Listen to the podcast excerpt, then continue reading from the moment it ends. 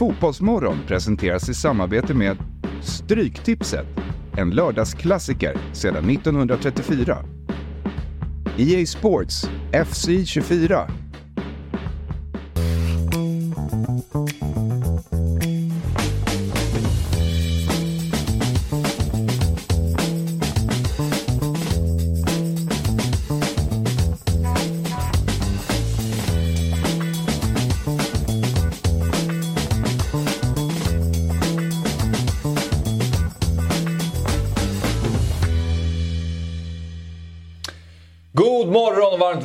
Välkomna till Fotbollsmorgon lördag.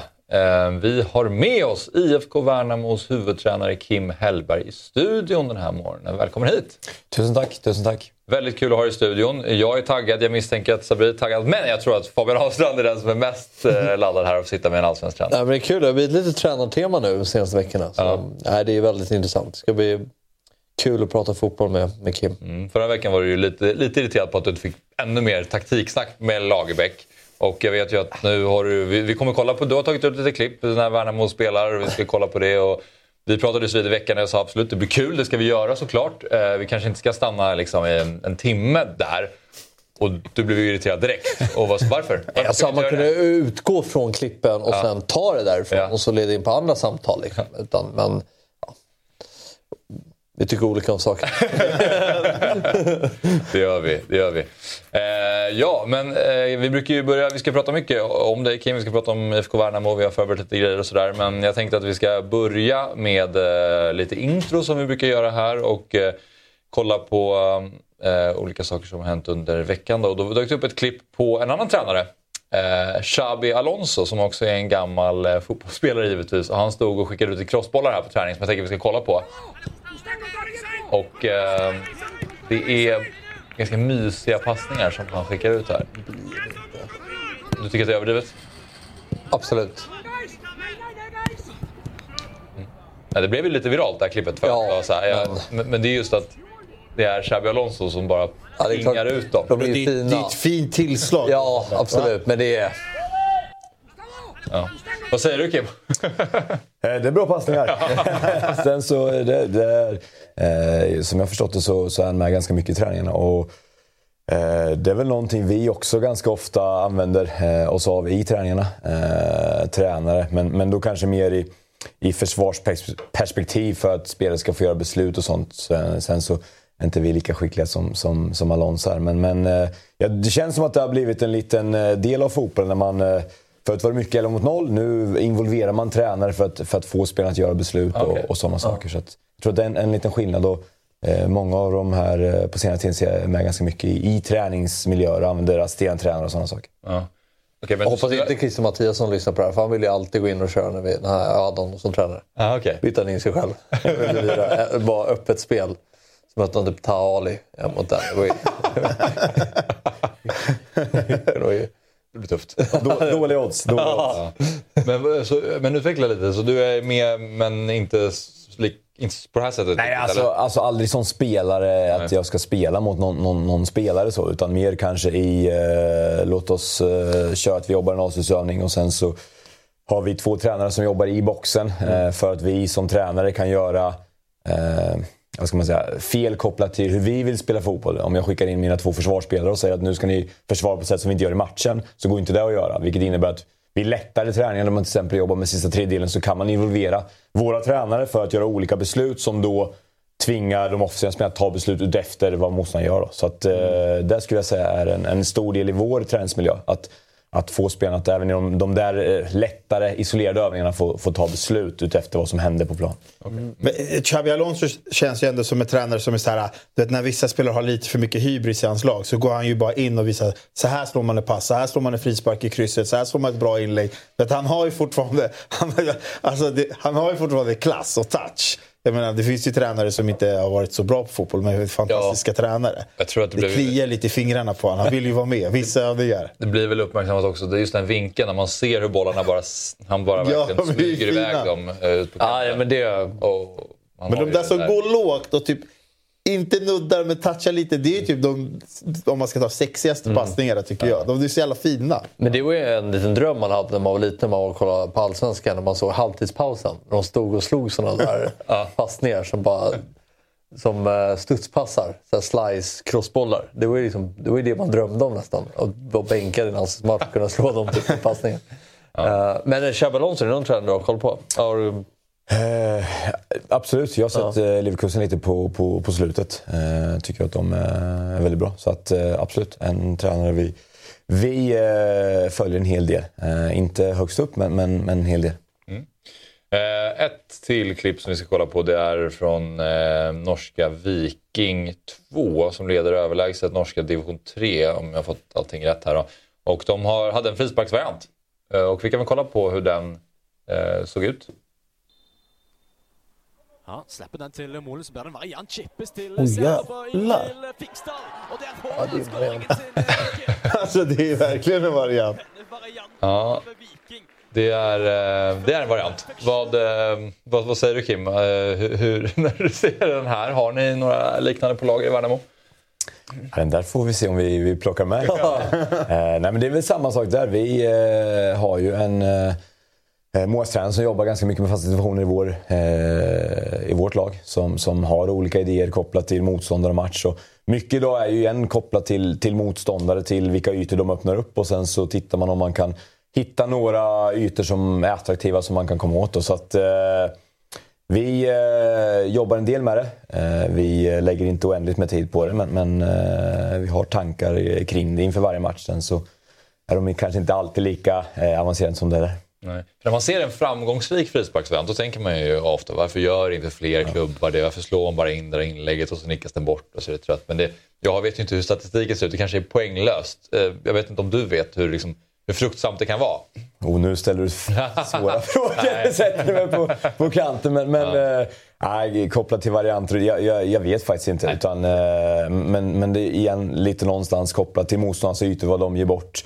Eh, och, och där i så ser det fantastiskt vackert ut när de här lyckas. Men det är klart att eh, det är nog fler som inte lyckas än lyckas, det tror jag. Vad ligger ni i fasta statistik i år? Alltså offensiv kontra defensiva hörnor? Och... Eh, lite mål åt båda hållen. Eh, väldigt lite framåt, väldigt lite bakåt. Så att vi... Eh, det är inte vår... vår eh, vad ska man säga? Det har inte blivit så mycket mål åt, åt något håll. Okej. Eh, men, Långa inkast man tydligen med det. Det gillar jag inte. men det pratade vi lite om här innan. Han älskar långa inkast. Ja, Sabrins långa inkast är det enda jag kan titta på. Annars så, eh, annars så gör, gör det lite ont i magen ibland. Ja.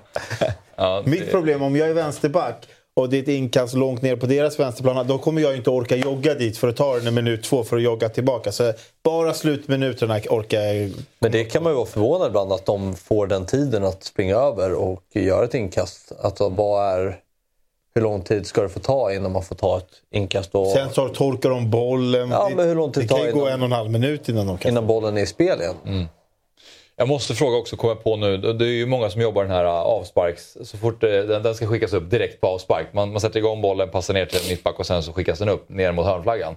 Jag vet inte om ni gör det, men det känns som att många, i synnerhet i Allsvenskan, gör så. Vet du varför? Är det bara för att man vill komma in i matchen snabbt och man vill trycka ner laget? Eller? Nej, men det, jag tror att det också... Det kan ju vara samma sak där. Ett tag var det ju in, lite inne med avsparksvarianter också. Jag tror att eh, det är lite kopplat till att man eh, har någon form av... eh, Alltså det första som händer i matchen så antar man att motståndaren har väldigt mycket energi som man vill få ut, vilket gör att man vill komma framåt. Vi, eh, Ja. Eh, vi eh, sätter igång bollen precis som vanligt. Eh, f- och det där är också en hel svår avvägning hela tiden. För mm, många pratar ibland om att de första fem minuterna ska vi vara, vara liksom cyniska och hitta in bollar bakom för att vi inte ska sätta sådana risker. Men, Ja. men sen är det också svårt då för, ja men när ska jag som spelare börja spela då? Ja. Alltså, när det har gått fem minuter. Det, där när det, liksom, så det blir väldigt svårt att, att, att sätta en gräns på det och svårt för dig som spelare att förhålla till att okej nu ska jag gå på en andra boll eller nu ska jag vara med och spela. Så att där någonstans har vi valt vägen att vi, eh, vi sätter igång precis som vanligt från början. Vi eh, vet att motståndaren kan gå med en jäkla hög fart för matchen startar. Men, men, men det är någonstans den filosofi vi valt. Sen så är det klart att någon enstaka match har vi valt att okej, men nu har vi sett igen då något form av övertag i någon yta. Eller vi kan lura motståndaren på något sätt som gör att vi valt att hit, försöka hitta in bakom tidigt på något sätt. Men, men eh, jag tror det är svårt att, att liksom det här eh, första fem ska vara cyniska, det är väldigt svårt. Och du sätter en ton som spelare någonstans. Att det är jäkligt svårt. Okej, jag ska vara cynisk fem minuter. Sen när det har gått fem då, när ska jag börja spela? Det, det är svårt. Ja, det var ju en inställning som gjorde mig så irriterad när man hörde medspelare säga men första 15 lyft gör vi lite enklare. Vad är det för inställning? Liksom? Då är det ju så här, nej första 15 ska vi gå ut och köra över dem på vårt sätt. Vi har ju en, en, en spelidé som vi måste tro på.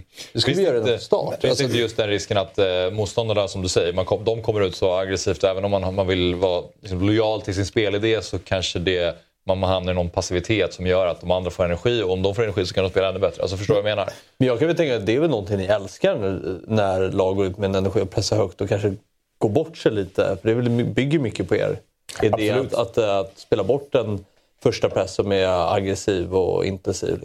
Absolut, fick jag välja så skulle alla fotbollsmatcher se ut att båda lagen bara gick ut och, Ja. och körde. Liksom, för jag tror att det är den fotboll som, som eh, har störst chans att, att liksom, vi tar den svenska fotbollen framåt. För det blir mer spelminuter, det blir mer situationer, det blir mer en mot en bitar i det. Så att, eh, fick man välja så, så hade det varit fantastiskt roligt. Och, och de matcherna, när man får spela sådana matcher i Allsvenskan så, så de, eh, blir de ofta riktigt bra. Så att, eh, nej, det är klart att det, jag, jag ser gärna att de går ut och kör på oss direkt.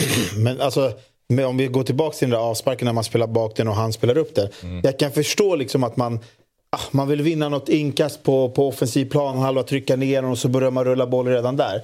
Men, och jag förstår ändå din fråga, för att man kan bli frustrerad ibland varför man bara ger bort bollen. Men det som man blir frustrerad på, det är så här, ja men du som, alltså det är mittbacken som får bollen. Hur kan du slå en dålig långboll i det här läget? Hur kan du gå över linjen direkt? Hur kan den bara gå till någon som kan ta ner den på... Det gör ju mig förbannad. Du hade ett jobb på den här avsparksvarianten. Det är inte så svårt. Du ska chippa den lite ner mot, eh, mot, mot, mot eh, alltså på långsidan så du kanske ska vinna ett inkast. Det går liksom mitt på deras mittback. Han tar ner den, rullar till målet, så har de bollen. Då blir man ju, man bara, äh, men då blir man ju, då blir man ju less. Då blir man så här, spela bak den, rulla. Så Du hade ett jobb. Men jag kan förstå ändå att man vill slå den långt. Man vill vinna kanske den, vinna ett inkast. Men då, alltså, då måste man kunna slå en Xabi Alonso-macka. Liksom. Alltså ha lite touch på foten. Eller, fan vet jag, sätt ner då inne i mittfältaren. Eller du vet, den mest... Alltså, varför ska mittbacken som är träben slå den då alltid? Förstår du? Så, Du vet, AIK, ner han, Kanske just det, den. det kanske är, jag vet inte vad du säger Kim, men just att det är första som man kan, alltså det är bara sätt, sätt upp den och sen så startar vi därifrån. Det kanske inte spelar så stor roll egentligen vad som händer där. Men om det går direkt över linjen, för det har jag sett. Ja, jo. då, alltså, då, det är för dåligt. Det är Ja, som det att blir också energi, tappar, man tappar energi av det. Men alltså det finns, Vad den väljer för väg så, så kan ju det sluta på ett bra sätt och på ett dåligt sätt. Och någonstans handlar det om att välja vad man vill göra. Jag tror att hur du väljer att hantera av- avsparken, det, det, det är ju en, det är en lätt sak att isolera en avspark i en händelse. Men, men just kopplat till de här 5, eller 10 eller 15 första minuterna så skulle jag känna att det blir väldigt svårt som spelare att veta när ska jag börja visa mig då? När ska vi börja spela? Och sen ska du, kommer du in i en ganska dålig, men, men just avsparken som en isolerad händelse den, eh, den eh, tror jag man kan göra på, på många olika sätt. Och, och någonstans försöka lyckas med den för att någonstans få ett momentum, energi i. Och slår man en längre boll, det är klart att det kan också dödas av att man, man tappar ut den direkt eller man träffar ryggen på någon och det blir om sig. Så att, Vad man än väljer att göra så, så är det väl ett sätt att skapa energi för sitt eget lag, tänker Det är jag. lite som att skicka fram bonden bara i schack. Bara, nu är matchen igång. Istället för att bara börja med något riktigt skumt. Ja. ja, nej, men eh, jag tänkte fråga dig Kim hur du var som fotbollsspelare. Inte så bra. Ja, okej. Eh, nej, jag, sju manna, upp till sju manna är ganska duktig. Och sen så eh, var jag långsam och eh, inte, gillar inte att springa så mycket. Okej. Och sen blev planerna stora.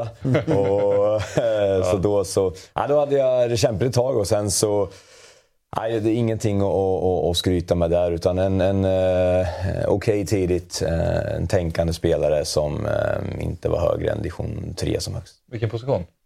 Eh, centralt eh, i banan, antingen mittfältare eller också en period mittback. Mm, okej.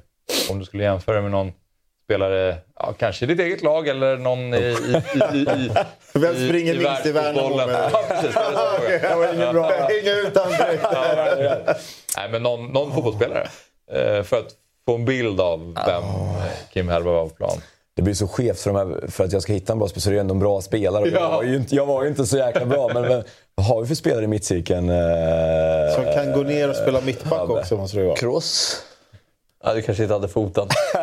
Apropå Xabi Alonso. Vi kommer inte få ihop det. Nej, nej, nej, vi får släppa det. Det fanns. Du, du var begränsad. det var, jag var begränsad och ensam. Men som fotbollstränare då, då eh, har du ju varit väldigt framgångsrik och eh, jag eh, har då förstått det som att du alltså var tränare i division 5 som 23-åring. Finns ändå Wikipedia. Nej men redan alltså, när, du var, när du var 23 så, så började du som tränare, eller hur? Eh, och sen så eh, plockade du upp Kudby från eh, femman till trean. Sylvia från division 2 till division 1 och så vidare. Eh, vad, vad var det som gjorde att du eh, blev tränare så tidigt? Eh, nej, men för mig var det egentligen ett... Eh, ni ser här hur många matcher jag gjort. Det står att jag fått ihop till åtta matcher. eh, nej, men det, det var ju egentligen ett karriärsval tidigt. att eh, Jag kände att jag kommer inte att... ehm, men jag, jag älskar fotboll. Alltså fotboll har, har varit en del av mitt liv sen, sen jag föddes. Och det är liksom en stor passion och, och det är det jag ville jobba med. Och jag insåg att det kommer inte bli som fotbollsspelare.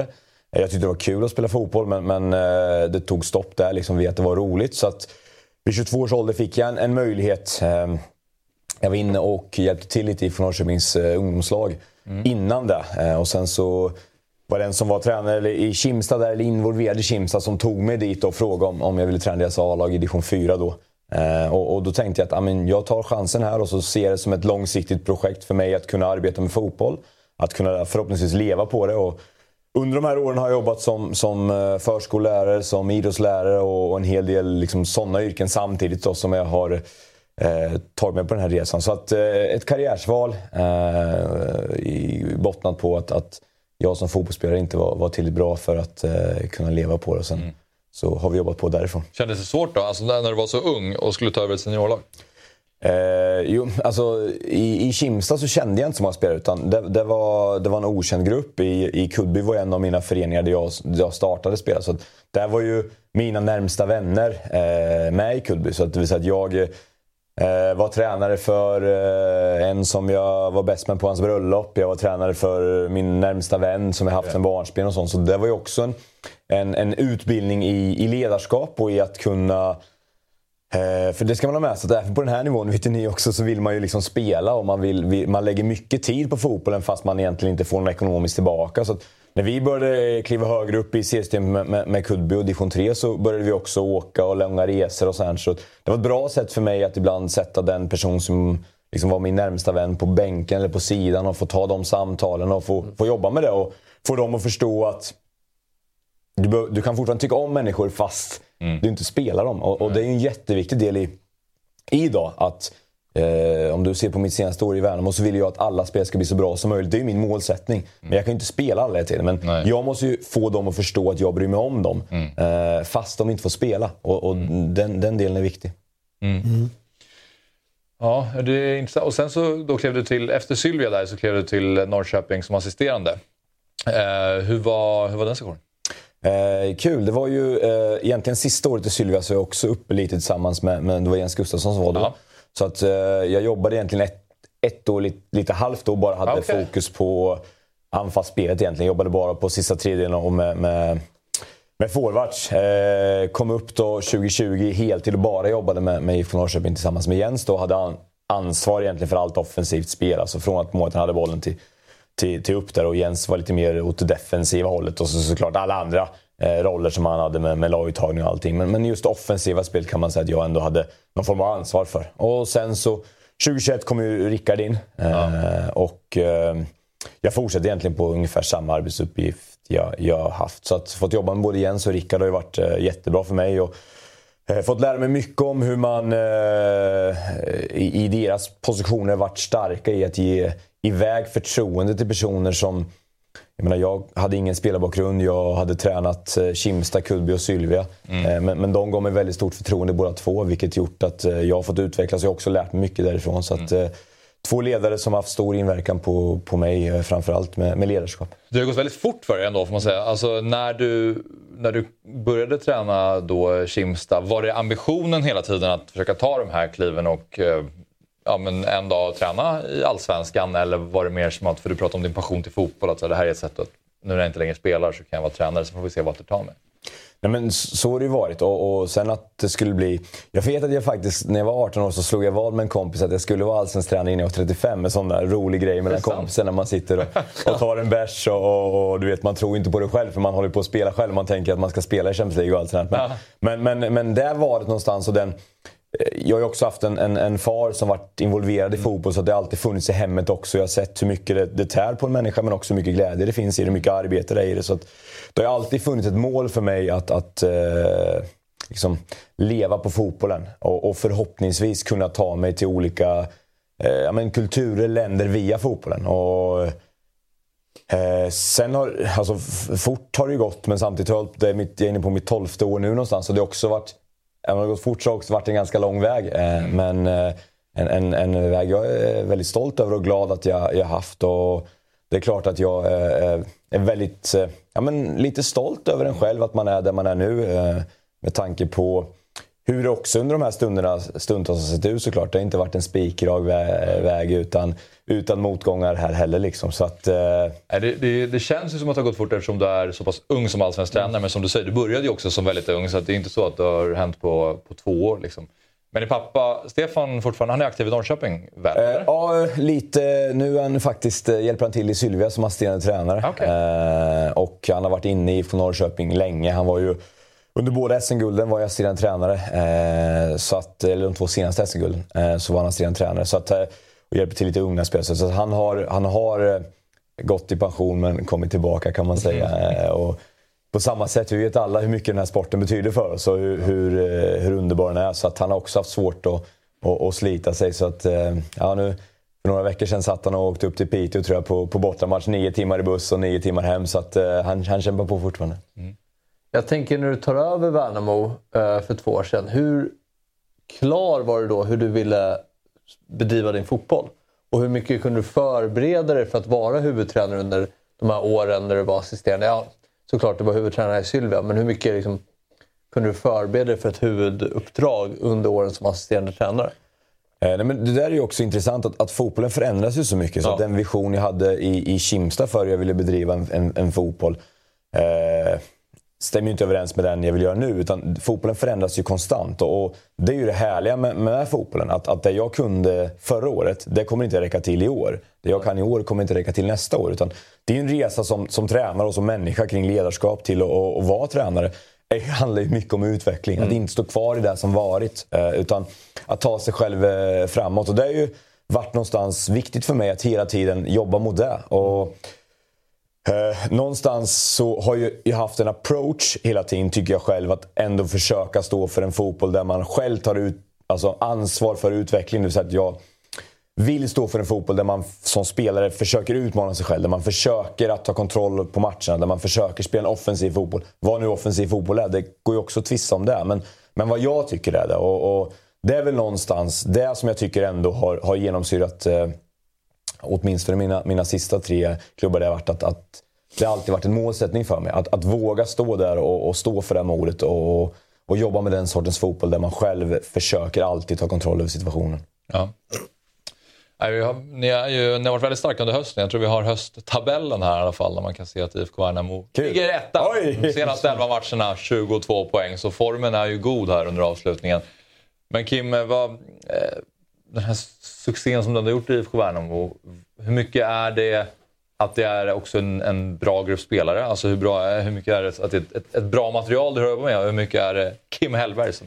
Nej, framförallt så är det ju, alltså nummer ett så kommer jag, all, alltså utan spelare så skulle ju inte jag göra någonting. Jag, jag får svårt att, att göra mål själv och jag får svårt att passa på så att, Nummer ett kommer ju alltid vara att jag har haft en fantastiskt bra spelargrupp. Sen har jag också haft personer runt omkring mig. Jag började att, när jag kom ner första året, att få med mig David Selini som var en person som jag inte kände innan utan fick via rekommendation med mig ner. Och utan honom så hade vi eh, i Värnamo inte varit där vi är idag. Eh, utan hans... Eh, Hans jobb första året tillsammans med mig, eh, för jag skulle egentligen argumentera att första året så, så var vi två tränare som, som, som bedrev det här. Eh, och, och såklart vi hade lite hjälp med personer runt omkring. Men, men på plan med all teori så, så var det jag och David som drev det. Och han har, har precis lika stor eh, del i det här som, som jag har. Och sen har vi då byggt på med Arne som kom från IFK Norrköping. Fantastisk person som har höjt nivån ännu mer. Så jag skulle säga att vi är ju en ledargrupp tillsammans med, med fysio, med målvaktstränare, med Anes och eh,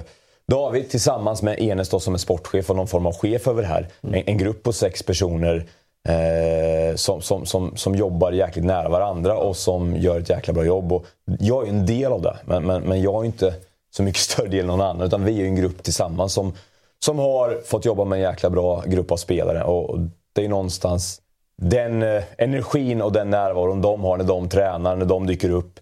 Den viljan att bli bättre som, som gör att vi kan eh, göra sådana här resultat. Som såklart när man tittar på den här så, så är det klart att man, man, eh, man ändå känner att eh, man önskar att det varit första elva matcherna i Allsvenskan. Känner du att det är en stor fördel i en eh, lite mindre klubb som Värnamo än IFK Norrköping? Att man har några personer som man jobbar med, som man är med var- varandra dagligen, än kanske i en större klubb där det är en person här, en person här. En person, att det är mer utspritt och ut, alltså, ska man säga, lite mer... Eh, ja, men, man jobbar inte ihop på samma sätt dagligen. Medan i Värnamo så kan, finns det utrymme för det, att man är tajtare som en grupp. Det, det finns ju för och nackdelar med alla de här sakerna. Och det är klart att om jag fick välja så önskar jag att eh, men ta vår, vår, vår fysio Filip som gör ett, ett otroligt arbete själv. Där jag vet att det är alla andra allsvenska klubbar som 3-4 på de uppgifterna. Så det är klart att jag önskar att Värnamo skulle kunna ha, ha, ha fler personer. Men med fler personer kommer ju också svårigheter. Det är ju inte bara att lägga till en himla massa personer. Nej, det är lättare. Men, men det är klart att, att det ställer mer krav på, på, på oss ledare att få ihop en grupp. Men kan man få ihop en grupp på fler personer som kan hjälpa spela ännu mer så är det klart att det är en fördel med tanke på, ja, men precis som vi sa med Anes, när han kom till så blev vår miljö ännu bättre. Att vi blev helt plötsligt tre tränare som kunde jobba med video som kunde hjälpa till. Så att, det finns ju styrkor i båda sätten. Men, men att, att vara en liten tight grupp kan ju såklart bygga någonting väldigt starkt. Men, men kan du fortfarande ha den styrkan, men addera personer som kan hjälpa spelarna att få ännu bättre förutsättningar att bli bättre. För det är deras någonstans liksom kvalitet som till slut också kommer att avgöra hur matcherna går. Det är såklart många som är nyfikna. Alla här är ju det på vad du kommer göra vidare i din karriär i den, inom den närmaste framtiden. Jag förstår ju såklart att Värnamo vill ha kvar dig och eh, jag förstår att du kanske också vill eh, testa på någonting annat. Men vad kan du säga? Hur, går- hur, kan du ge oss någonting om hur dina tankar går inför kommande säsong? Nej, men, eh, eh, för mig har ju mycket handlat om... om eh, jag tycker det är viktigt att jag står och pratar för, för min spelartrupp och för, för om, om alltså att, att jobba tillsammans. Att, att, att liksom våga tro på, på, på att vi ska bli bättre över tid. Så det har ju varit viktigt för mig att, att under det här kontraktet jag skrev på två år vara där och, och, och finnas kvar. Och, Sen har ju, kan ju alltid klubbar välja att och, och sparka tränare och sånt. Men för mig har det varit viktigt att, att under de här två åren vara här. För att det var det kontrakt vi kom överens om. Det var, det var det som var viktigt för mig kopplat till vad jag pratar med spelare och ledare om. Eh, nu har jag varit här i två år och kontraktet går ut. Eh, jag... Eh, finns såklart möjlighet att jag hamnar någon annanstans men jag ställer, hänger, stänger heller inga dörrar hit. Utan jag och Enes har en bra dialog kring det.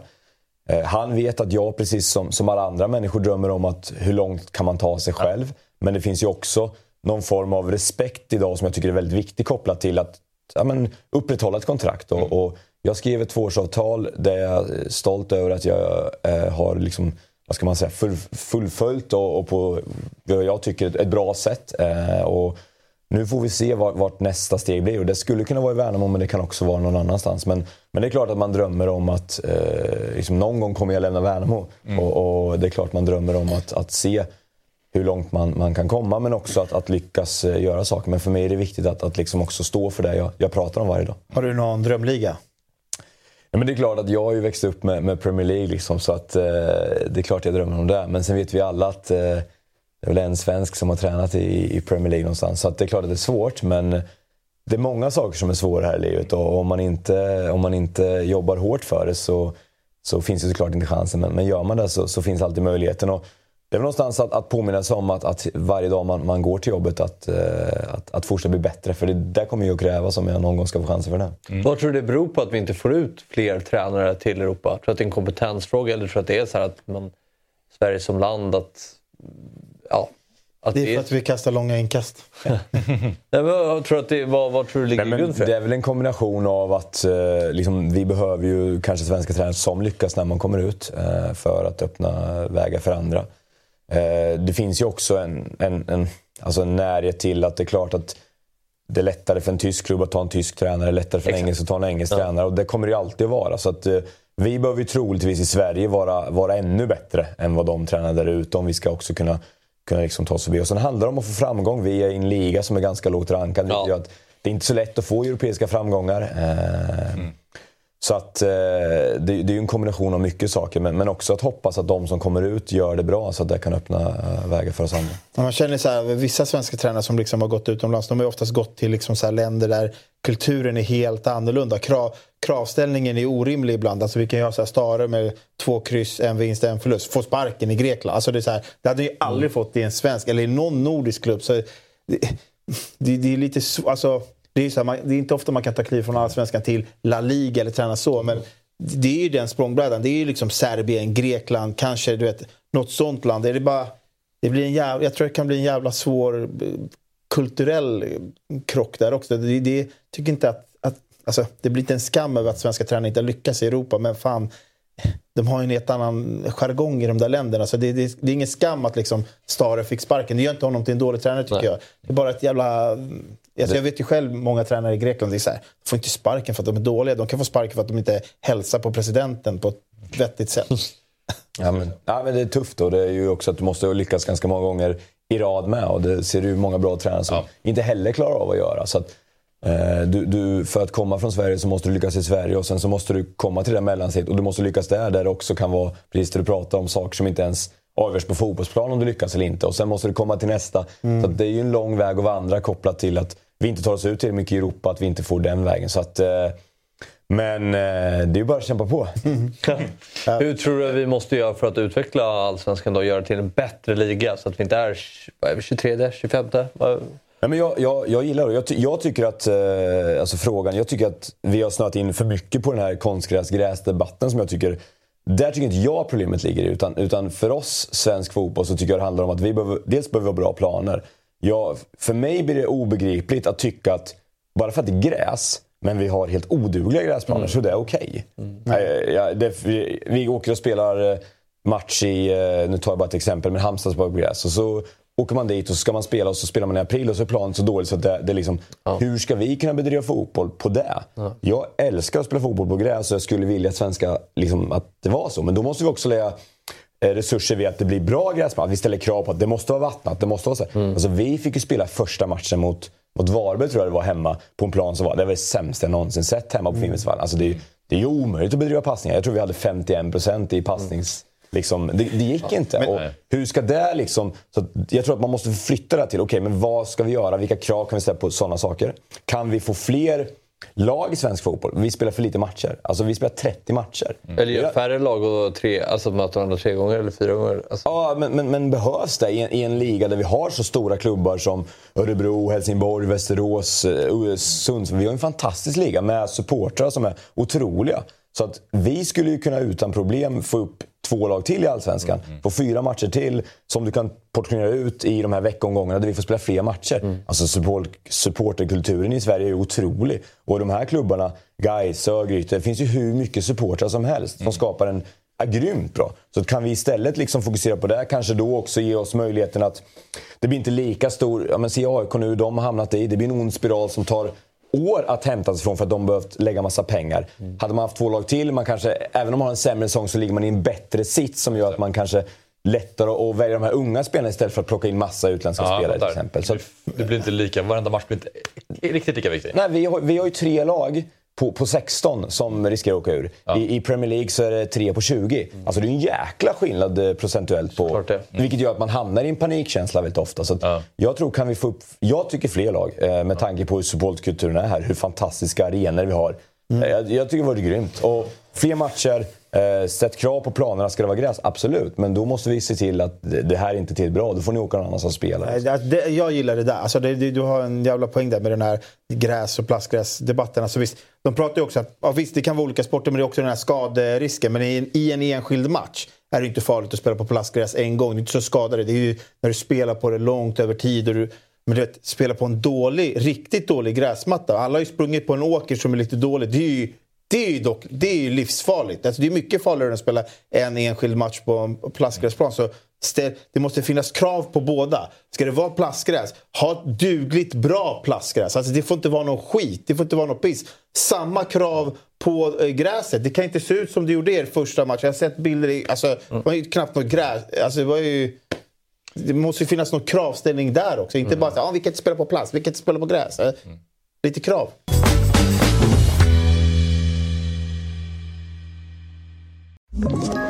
Ett poddtips från Podplay.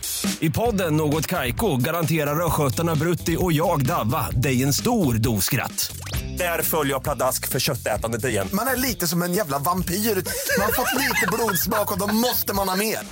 Udda spaningar, fängslande anekdoter och en och annan arg rant. Jag måste ha mitt kaffe på morgonen för annars är jag ingen trevlig människa. Då är du ingen trevlig människa, punkt. Något Kaiko, hör du på Podplay. Därför är gardinerna. Ehm, vi har en del kvar att gå igenom så att, eh, vi ska gå vidare till de klipp som du har plockat ut. Då. Vi ska prata lite om vad det är som gör att Värnamo är så pass... Ja, ni ligger åtta i Allsvenskan men sett till förutsättningar så har ni gjort det väldigt bra Kim. Och jag vet att du har några små detaljer som du vill trycka på som vi kan prata om. Ja, eller jag tyckte att man kan först börja och fråga Kim. Vad, vad tycker du ni är bra på? Nej, men jag, jag tänker att också vi, vi, vi kan försöka använda klippen till att liksom prata fotboll i, i, i allmänhet. Eh, eh, så. Och, om vi nu ska eh, prata liksom Värnamo och det så kanske kring att föra spelet, om vi bara går in på föra spelet, så, så är det en viktig del, del generellt i fotbollen idag. Alltså, men det som igen är baserat på det här är ju att alltså det hamnar i många situationer där vi, där vi pratar om ja, men, bara passningar eller hur, hur gör man? Och, och det är någonstans en, en utbildning för oss att hjälpa spelarna i att motståndarnas sätt att försvara är ju alltid det som kommer att öppna upp olika ytor för oss. Och där någonstans är det ju det försvarande laget som väljer vad de vill öppna upp. Och där måste vi vara skickliga i att ha verktyg till att kunna utnyttja det. Eh, att kunna uppfatta det och att jobba med de bitarna. Det är ju en stor del för oss då och, och den fotboll jag vill spela. Att vi vill ju gärna så fort som möjligt komma fram till motståndarens mål. Är det en passning så är det det absolut bästa. Men ibland går ju inte det för att de ytorna inte öppnas upp. Så att vår målsättning varje gång och, och hur jag vill spela fotboll är att så fort som möjligt komma fram till målet. Sen igen så styrs ju det mycket av vad väljer det försvarande laget att göra. Vilka ytor öppnar de upp? Hur många passningar behöver vi? Går de upp i press så att de öppnar ytor som vi kan använda? Eller måste vi flytta på dem för att de ska öppna upp ytor? Eller backar de ner vilket gör att vi kanske måste spela över dem? Så att hela tiden handlar det här om en, en, en utveckling där, där mot varje liksom offensiva sätt så hittar man sätt att försvara och så måste man som offensiv försöka bryta ner det. Så att Någonstans är det laget som försvarar som ofta bestämmer vilka ytor kommer ges hur bra är vi på att ta dem. Och det är en viktig del. Och, och det är ju lite av det klippen jag vill belysa på också. Men det där känns ju också lite som en trend inom fotboll nu. Att det nästan blir mer lite av en schackmatch. Att så här, ni är det draget, då är vi det. Men Eh, jag tycker man ser mycket när man till exempel Premier League idag. Ja, men då undrar jag, alltså, så här, hur mycket skulle du säga att du anpassar dig efter motståndet inför en match? Eller anpassar du mycket mer under en match? Alltså till exempel Pep, han kan ju gå in i halvtid och, och förändra en massa grejer. Anpassar sig efter hur de spelar och så går de ut och gör mycket bättre andra halvlek. Men jag tror inte att han kanske anpassar sig jättemycket inför varje match. Men så hur, hur skulle du säga? Anpassar du dig jättemycket för motståndet inför match? Eller är du mer liksom, okej de gör så här under matchen så bara... Ja, men det, det där är ju intressant. Och du, du, du har ju en... För jag, jag tror att man väljer en, en, någon form av identitet. Den anpassar vi ju aldrig. Utan vi har en identitet av att vi vill... Eh, vi vill spela oss fram så fort som möjligt. Det vill vi alltid göra. Vi vill spela ett högt försvarsspel. Det vill vi alltid göra. Vi vill kontrollera matchen så mycket, många minuter som möjligt. Det vill vi alltid göra. Det spelar ingen roll motståndare. Det spelar ingen roll om vi skulle gå ut i, i Champions League imorgon. Det var vår målsättning. Sen förstår ju vi att man kan ju inte Alltså det, det är bra lag man möter vilket gör att det kommer göra att ja, men högt försvarsspel, om de spelar igenom måste vi kunna spela lågt försvarsspel. Så att matchen styrs av det här med. Så identiteten i laget vill vi ju aldrig förändra. Sen så förändras ju ganska mycket igen utefter vad tror vi att de kommer att ha för grundpositioner i sitt sätt att, att, att, spela. Eh, så Vill vi pressa dem högt och vi har bestämt oss för att vi spelar bara 4-4-2. Vi spelar bara 4-4-2. Vi har bestämt oss för det. Och de droppar ner med åtta spelare. Men hur ska vi då kunna pressa? Det är omöjligt att pressa högt med, med två forwards till exempel. Om man nu väljer den lätta nummerräkningen. Vilket gör att vi måste anpassa oss efter vad vi tror att matchen kommer att se ut. Men också kunna har skapat en miljö där spelarna själva kan anpassa och justera mindre saker under matchens gång. Och, och där tror jag att identiteten styr hur mycket vi måste anpassa kopplat till motståndarna. Så att när vi sitter och tittar på ett lag så sitter inte vi och tittar, de spelar 4-4-2 och då ska vi, utan någonstans, okej vi ska pressa dem här högt. Hur, hur gör de oftast? Sen kan ju de ändra någonting, men hur gör de oftast? Vilka, mm-hmm vilken formation måste vi utgå från? Tre mittbackar för att kunna kliva fram med någon? Måste vi spela med två mittbackar? Ska vi ha eh, fem i backlinjen? Ska våra ytterforwards följa deras ytterbackar för de går högt upp? Ska de inte följa? Eh, ska vi spela med fyra forwards? Ska vi spela med fem mittfältare? Vi tar in yttermittfältarna. Alltså, det är ju en, hela tiden en, en väg som vi i träningen måste jobba med konstant och utmana våra spelare. Så att om du heter eh, Simon Tern, för att ta exempel som, som är lätta som flest känner till, så kan han spela forward, vänstermittfältare, högermittfältare, central mittfältare, offensiv mittfältare och defensiv i vårt lag. Men det är ju inte det som avgör vad han gör på plan, utan utifrån vad kommer krävas av den rollen för att vi ska pressa dem högt. Och sen, vad kommer krävas när vi har bollen? Och ska de försöka då, någonstans då, ha en symbios? Det vill säga att, ska du pressa deras vänsterback som alltid ligger brett och sen ska du spela på vänstra sidan själv när vi har bollen, så är det omöjligt. Så att, allt måste ju också på något sätt hänga ihop där man kan jobba med en matchplan men inte ta bort identiteten. Det, jag vet, eh, Guardiola, liksom från föreläsningen med Guardiola, då pratade han om att han vill ju försöka påverka matchen så mycket som möjligt genom att skapa scenarion på spelarna. Att få spelarna att se olika scenarion i match. Vad kan hända? De gör det här, vad gör vi då? Och Jag menar, så här, Okej. att förbereda för ett motståndarlag. Ja, ni kan ju förbereda er, ja, Göteborg nu, men de förbereder ju sig vad ni ska göra också. Så de lär ju justera saker utefter vad Värnamo är bra på.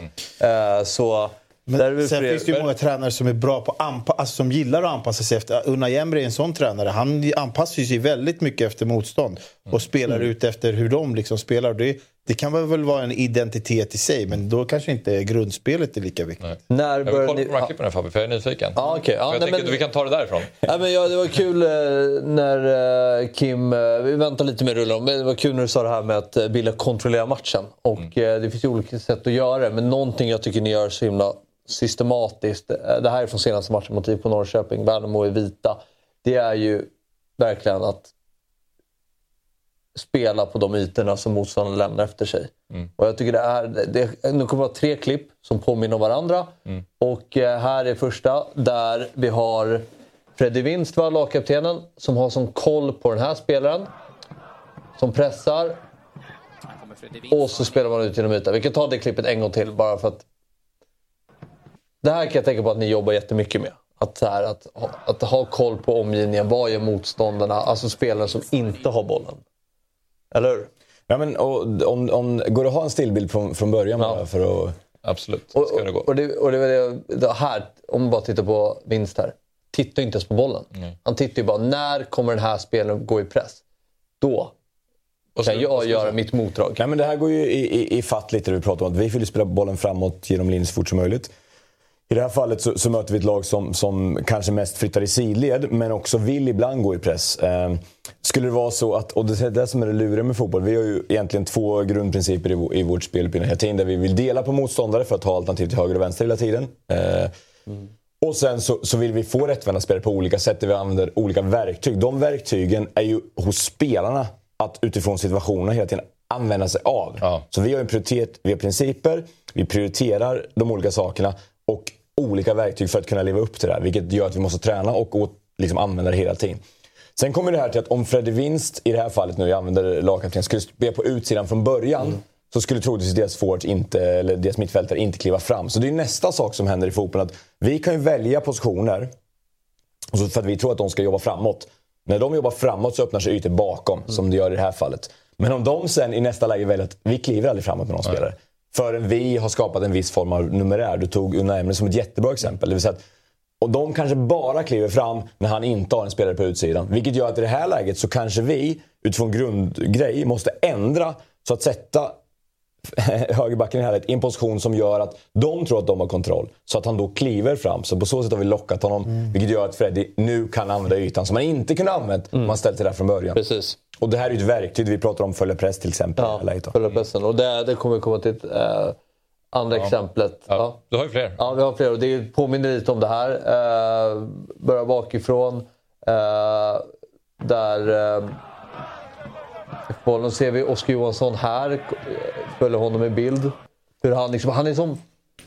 Det, det här är så otroligt vackert. För han, det är som att han är fastkopplad i Ceesay här som sätter pressen. Alltså när du sa följa pressen. Att liksom, man pratar om att vi ska vara spelförande. Ja, men hur ska vi vara spelförande? Det jag är så imponerad över det ni gör, det är att ni matchar deras pressintensitet med hög intensitet. Eh, och det tycker jag man kan se så mycket exempel på att om de pressar med en, en viss hastighet, då ska vi ha ännu högre hastighet för att bli spelbara. Jag tycker det är intressant att för när man pratar, eh, i min hjärna när man pratar spelbarhet, men jag tror många också tänker att man ska, man ska vara liksom konstant spelbar. Man ska liksom, du ska alltid se till att vara spelbar för den som har bollen. Så att om, om Oskar Johansson istället skulle bara hitta den här ytan i mitten och bara här tycker jag att jag kan få en passning. Så är han ju egentligen spelbar, men det kanske är en idiotisk spelbarhet. Men det här är ju en, intressant att han, han är ju först inte spelbar ganska länge och sen säger han det här är en, en spelbarhetstiming som det känns som att ni pratar om. Som jag inte riktigt har liksom reflekterat över på det sättet som vi pratar om nu. Att det handlar om att veta när man ska vara och kanske som du pratar om också attackera in den, den ytan. Ja, det, är ju- det är imponerande. Ja, men när man tittar på, om man inte följer bollen utan följer spelarna så ser man ju att de är så, de är så väl medvetna om vad som kommer hända. Om den här spelaren går nu, då, då får jag min yta. Eh, Och vi ser att, så här, inte bara titta boll. Titta på vad min spelare framför mig gör nu. Eh, jag tycker det, det, det känns så himla väloljat. Ja, och det går ihop lite med. Jag jag fick en fråga kring, kring speluppbyggnad eh, av, av en... eh, Det var några tränare som var och besökte oss och frågade om det. Och så, som så här, hur, hur, hur liksom jobbar ni med dem? Vi har, jag sa till dem, vi har egentligen fyra olika... Alltså två huvudprinciper och som jag sa, det, det är väldigt lite saker. Och där vi någonstans igen då försöker alltså, medveten göra spelarna om att du måste hela tiden ta beslut och positionera dig för de här olika sakerna. Och nummer ett vi pratar om, det går ihop med att vi vill spela förbi linjen hela tiden. Så nummer ett, det är att du som spelare ska alltid... Kan du, kan du bli rättvänd bakom spelare? Alltså kan du bli rättvänd bakom? Så det är nummer ett. Kan vi det, då ska vi alltid slå den passningen, du ska alltid vända upp. Det är nummer ett. Liksom. Nummer två, i, i varje passning, det vill säga att när, när vår vänsterback ska spela passningen här så ska du som spelare hela tiden ta beslutet. Okej, kan jag bli rättvänd och ta bollen framåt? En del spelare kan göra det, en del spelare kan inte göra det här. Eh, nummer två, om jag inte kan det kan jag positionera mig så att när jag får bollen kan jag spela till någon som är rättvänd. Det vill säga att man spelar på tredje spelare till exempel. Vilket gör att vi, och nummer tre sen då, kan jag i det här fallet, som Oskar gör, som du också kan argumentera för att han gör i det här läget. Att när Ceesay, skulle bollen spelas in centralt på, jag tror att det är vår centrala mittfältare mellan deras forwards. Så kan du också argumentera för att, att Oskar i det här fallet faktiskt låser fast Ceesay så att han inte kan kliva upp på Wendersson som gör att han som princip nummer tre lo, alltså pinnar en spelare. Alltså jag låser fast en spelare för att öppna upp för Den här spelaren alltså. Yes. Så att i det här fallet gör han nummer tre skulle jag säga. Men vid varje passning så ändras de här sakerna. Och nummer fyra är ju någonstans att är du så långt ifrån bollen. Så hur kan du sätta dig i bästa position för att till exempel då, när Wendersson får bollen slå i djupled på bästa sätt. Eller som Oskar gör här. Flytta sig ut för berättaren. Så att de här går in i varandra. Ja, men de det är egentligen ganska enkla saker. Det är fyra saker, det handlar om att jobba med dem konstant. Och sen utgår vi med verktyg för att lösa de här sakerna. Vi utgår med olika positioner kopplat till motstånd för att kunna upprätthålla de sakerna. Och, och det- där vi någonstans försöker bedöma våra spelare. Men hur jobbar, du, hur jobbar man liksom med en, en liksom, om man säger, individuell taktik i det här? Då? Hur jobbar man det i daglig basis i träningen? I Eh, olika övningar. Ja, Men till exempel Wanderssons position här eller Oskar Johanssons att eh, komma ut i yta med timing och sådär. Ja, men konstant i olika former av, av eh, övningar. Mm. Spel, possession, eh, med zoner, utmaningar, saker i vägen. Väldigt mycket, mycket återkoppling. Vi eh, kopplar eh, 30 minuter video innan varje träning skulle jag säga. Kopplat till vad vi ska göra, kopplat till återkoppling. Vi skickar ut individuella klipp till varje, varje spelare. Typ en gång i veckan. Med liksom återkoppling, återkoppling. För det handlar ju om att och utgår från de fyra, använder olika verktyg, så kan du hela tiden säga Oskar, i den här situationen, vilken av dem gör du? Och sen går ju de ibland in i varandra. Alltså såklart, du kan ju samtidigt vara redo för att gå i djupled men du pinnar eller vad du nu gör. Och då kan du på något sätt få spelarna själva att säga att ja, men, eh, Kim, jag, jag försöker pinna honom för att han ska bli rättvänd. Och då kan jag aldrig säga att han gör fel. Nej. Eh, Medan om vi bara helt plötsligt låser en bild och säger nu missar vi bollen, vad, vad gör du? Alltså, så hela tiden att spelarens tanke blir ju rätt eller fel. Utifrån de principerna. Men eh, om vi utgår från liksom eh, ditt ledarskap och hur du tränar det här. För det är så här, eh, det, det, det, det är dels att man ska få bollen kanske i ett litet obekvämt läge med typ en markering ganska nära. Det är också ett fall där backen kanske behöver slå en lite svårare passning men liksom går den igenom blir jättebra. Hur mycket vikt lägger du i så här att de ska slå den även om de är obekväma. Att de inte ska känna att, alltså så här, att de får göra fel. Alltså om du förstår vad jag menar. Att, det är så här, att du hellre ser att de tar löpningarna, slår bollen. Att det hellre kanske då blir lite fel än att de absolut inte gör det. Nej, men, och det där, fotbollen är ju en del av, av att vara tränare idag. Ledarskapet är ju nästa del och de är ju lika viktiga. Ibland blir det lätt att man försöker välja så att ja, men, eh, ni är datortränare eller eh, ledare. Liksom. Det, det, båda delarna är ju lika viktiga i sättet att jobba för att nå fram. Och vårt ledarskap testas ju framförallt när man inte vinner matcher, när man missar saker som gör att man, vi pratade om det här innan, släpper in mål som gör att man förlorar en fotbollsmatch. Där är ju min viktigaste del i att kunna stå upp och säga att du har ändå gjort rätt, eller finnas där för spelarna. Och, och, och där testas man ju som, som, som... För det är klart att det finns dagar där jag känner, alltså hur kan du göra så? Det är klart det finns det, men jag kan ju aldrig säga det till honom. Om jag och någon ska vara trovärdig i, i när vi pratar om att de försöker göra saker som vi vill. Sen om, om de eh, har eh, ställt om två sekunder för sent, då ska de föra det varenda gång.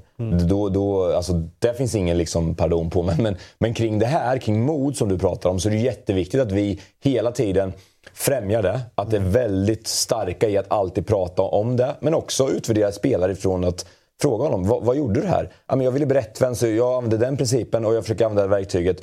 Och sen om man inte lyckas, jo men det händer ju hela tiden. Så då har ju spelaren gjort rätt, även om passningen inte var tillräckligt bra eller jag lyckades inte med, med skottet. Men att bedöma dem på liksom, utifrån hur vi vill spela fotboll mer än resultat av varje pass. För då hamnar du i ett läge där det blir svårt att, att hjälpa spelarna. Om de ena stunden ska slå en passning och nästa stund inte ska göra det.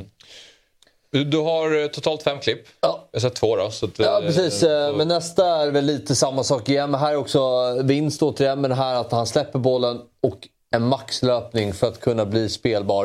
Eh, tycker jag, det är någonting jag älskar här. Att han verkligen, och så nästan kan göra sig rättvänd igen. Och sen är det egentligen samma sak. Oskar Johansson följer med pressen. Ja, vi ser ju där Wennerssons eh, position centralt också. Just att bara ett exempel till. Ja. Säg att det är återkommande tillfällen ni gör de här grejerna. Nu oturligt nog halkar han. Men jag gillar också om man bara tar tillbaka från början när just det här hur viktigt det är att man liksom maxar in i position här. Som, uh, som vinst gör. Spelar tillbaka bollen. Och sen löper tillbaka för kanske eventuellt kunna få bollen igen. Eh, Vi tar väl eh, ett till då, som, för att visa upp någonting annat. Ja, nej, men någonting jag tycker, jag jag vet inte, så här, i, men- men... någonting jag tycker ni också är väldigt bra är när ni väl spelar igenom en första press.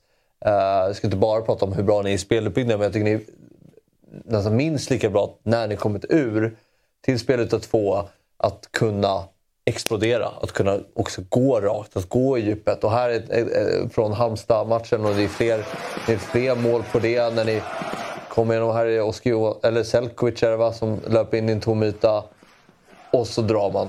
Eh, ofta, vad jag tror eller vad jag har sett, att ni har- har två yttrar ganska högt och ganska brett och så en droppande nia som kommer ner med, som kan bli en länk till uh, mittfält och backlinje. Vad vad var frågan? Nej, jag vet inte. Men bara det här att Ja. eh, också vikten av att ni har, ni, ni har ingen speluppbyggnad för skojs skull. Utan just vikten att kunna, när ni kommit Mm. ut, att då explodera. Då ska vi framåt. Som du sa, att ni kan, om ni kan anfalla på en pass, då vill ni göra det. Men när ni väl kommer igenom också, då Men det var ju lite där vi, vi började prata om. Och, och jag förstår ju precis som alla andra att, att bara se massa passningar i sil, det är ju skittråkigt. Mm. Det är ju ingen som vill kolla på det. Och det är ju vi, liksom jag medveten om. Och jag tycker inte heller det är roligt. Alltså, det finns ju ingen som vill kolla något lag som passar bollen i sidled. Utan allting handlar ju om, och vad vi pratar om varenda dag, vad jag tycker är viktigt för att utveckla den här fotbollen. eh, eh, är ju att ja, men så fort man att gå framåt så måste man göra det. För att vi ska få en bra produkt, för att vi ska gå fort, för att vi också ska vinna fotbollsmatcher. Eh, men, men för att det också inte ska bli det här liksom att men man, man använder passningsspelet som något annat. Utan vi vill göra mål. Vi vill komma fram så fort vi kan. Men ibland så kopplat till olika försvarsspel. Här är det ett högt försvarsspel. Det öppnar upp andra ytor. Då har de öppnat upp ytan bakom dem, eh, bakom deras backlinje. Då vill vi straffa dem där så fort vi möjligtvis kan. Men fortfarande såklart med kontroll. Och det är ju en jätteviktig del i, i fotbollen idag. Att, att liksom kunna David eh, tog fram ordet staccato som är kopplat till musiken. Det vill säga att man spelar med olika, alltså det går olika fort i tonerna. Alltså det går, det går lugnt och lugnt och lugnt och sen bara liksom så, så, så går man igång. Och, och någonstans där pratar vi ganska mycket om, här för oss med, att det kan gå långsamt. För det är ingen fara. Men när det sen går fort, ja, då måste det gå riktigt fort. Och jag tror att det är de tempoökningarna i, i, i, eh, som gör att man också som supporter och som eh, sponsor och som person känner oh jäklar vad, vad häftigt. Liksom. Där får man inte tappa. Så att när, när våra spelare spelar bakåt bara för att spela bakåt, när man har en chans att ta fram bollen, ja, då blir vi vansinniga. Och, och där liksom jobbar vi konstant med varje dag. Men utmaningen av att lag ger de här ytorna mindre och mindre och mindre hela tiden gör att vi måste bli bättre och bättre. Men, eh, eh, ja, eh, eller vill du ta ett klipp till? Ja, där. Vi har ju en sista mot, mot BP också som jag tänker vi kan kolla på. Ja, men det är mer liksom en helhet. Uh, vad jag Ja, den börjar så här. Jag tror att det är någon frame Ja, från nej, den här men matchen. bara så här ett... eh, app- ja, det, Kim sa det bra själv. Liksom lite det här att dra ner på tempot för att vänta in dem. Att så här, attrahera pressen. Här första passningen kommer. Vi ser vi är på om det är Ackerman eller någon som skriver på vinst. Och sen liksom inte bli förhastade, inte bli stressade utan spela sig ur. Eh, det här är liksom ni, tycker jag. Att så här, springa in i de öppna ytorna. Det där kändes lite igenom. staccato, i alla fall i liksom hur man Snyggt. började med Snyggt. bollen. Snyggt. Nej, men det har du perfekt. Om du, om du eh, tittar på första, om det går att få den från början precis igen bara där. Så igen, så, om man pratar om, om, om olika försvarsspel så, så skulle jag säga att det finns ju någon form av, av, av Antingen så springer ju motståndarna och vill pressa oss. De vill alltså aggressivt vinna bollen. Så oavsett vad vi gör så jobbar de framåt.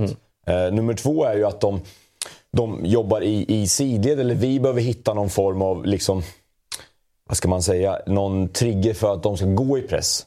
För att öppna upp de här ytorna som vi vill in bakom. Och nummer tre är att de, de kommer inte gå i någon press överhuvudtaget. De kommer liksom bara flytta i sidled. Och Det är ju olika sätt. Så ibland så, så kan ju du stå på bollen helt stilla. För att om de ändå vill komma till dig. Liksom använda sulan till exempel kan vara ett strålande bra exempel. För att det är lätt för dig att använda sulan. Och när Fabbe ska springa 10 meter och pressa mig så har jag kontroll på läget. Han vill jobba framåt. Det finns ingen anledning för mig att hålla på och flytta bollen. För det gör bara att jag, jag liksom tappar kontroll på blicken här uppe.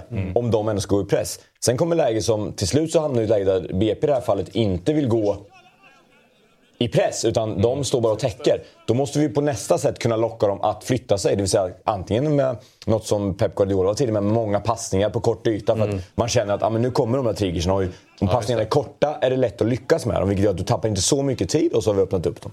Så det är ju hela tiden olika sätt att arbeta mot. Och det kan ju också skifta under matchens gång. Helt plötsligt har någon bestämt sig för att bara rusa rätt fram eller någon har matcherna ändrats resultatmässigt. Så att det där är också en skicklighet i att inte tro att nu ser matchen alltid ut så här. Jag kan alltid ta det lugnt i första läget. Utan helt plötsligt börjar de gå. Så att det där är också en del av Och, det. och, och jäkla kul det du säger med eh, första touchen, att, sta, att stanna bollen. Och inte liksom flytta den åt något håll för att bjuda in motståndarna. Utan att när du stannar bollen att du har olika alternativ. För att om du flyttar bollen som mittback till exempel, att du nästan då låser in dig själv. För att då är det uppenbart att du kommer gå åt Ja. ett håll. Ja, just det. Man döljer lite vart man är på väg. Precis. Men eh, jo, jag tänkte bara ställa en sist, för vi har ju en annan grej som vi ska kolla på. Du får sätta ihop dina... eh, Ja, några tränare som du ser upp till. Plocka lite egenskaper från världstränare och sätta ihop till en supertränare. Den ska vi titta på. Men jag vill bara fråga dig angående principerna där. Att hur många spelare är det som, som du upplever som kan hantera det på en plan att kunna agera utifrån principer och uti- utifrån vad ni har pratat om innan. För jag tänker typ det exemplet när ni möter Halmstad, med Selkovic som kliver in där. Och jag tänker så här, kan det inte också bara vara att han, han får bollen, han ser där är en bra löpning, jag sätter passningen. Alltså det inte är mer avancerat än så. Att man, kan man överanalysera lite grann? Ja, ja och det är ju också en del av det. Alltså, i, I en perfekta värld så, så jobbar ju du så mycket med det så att till slut sker de här sakerna automatiskt.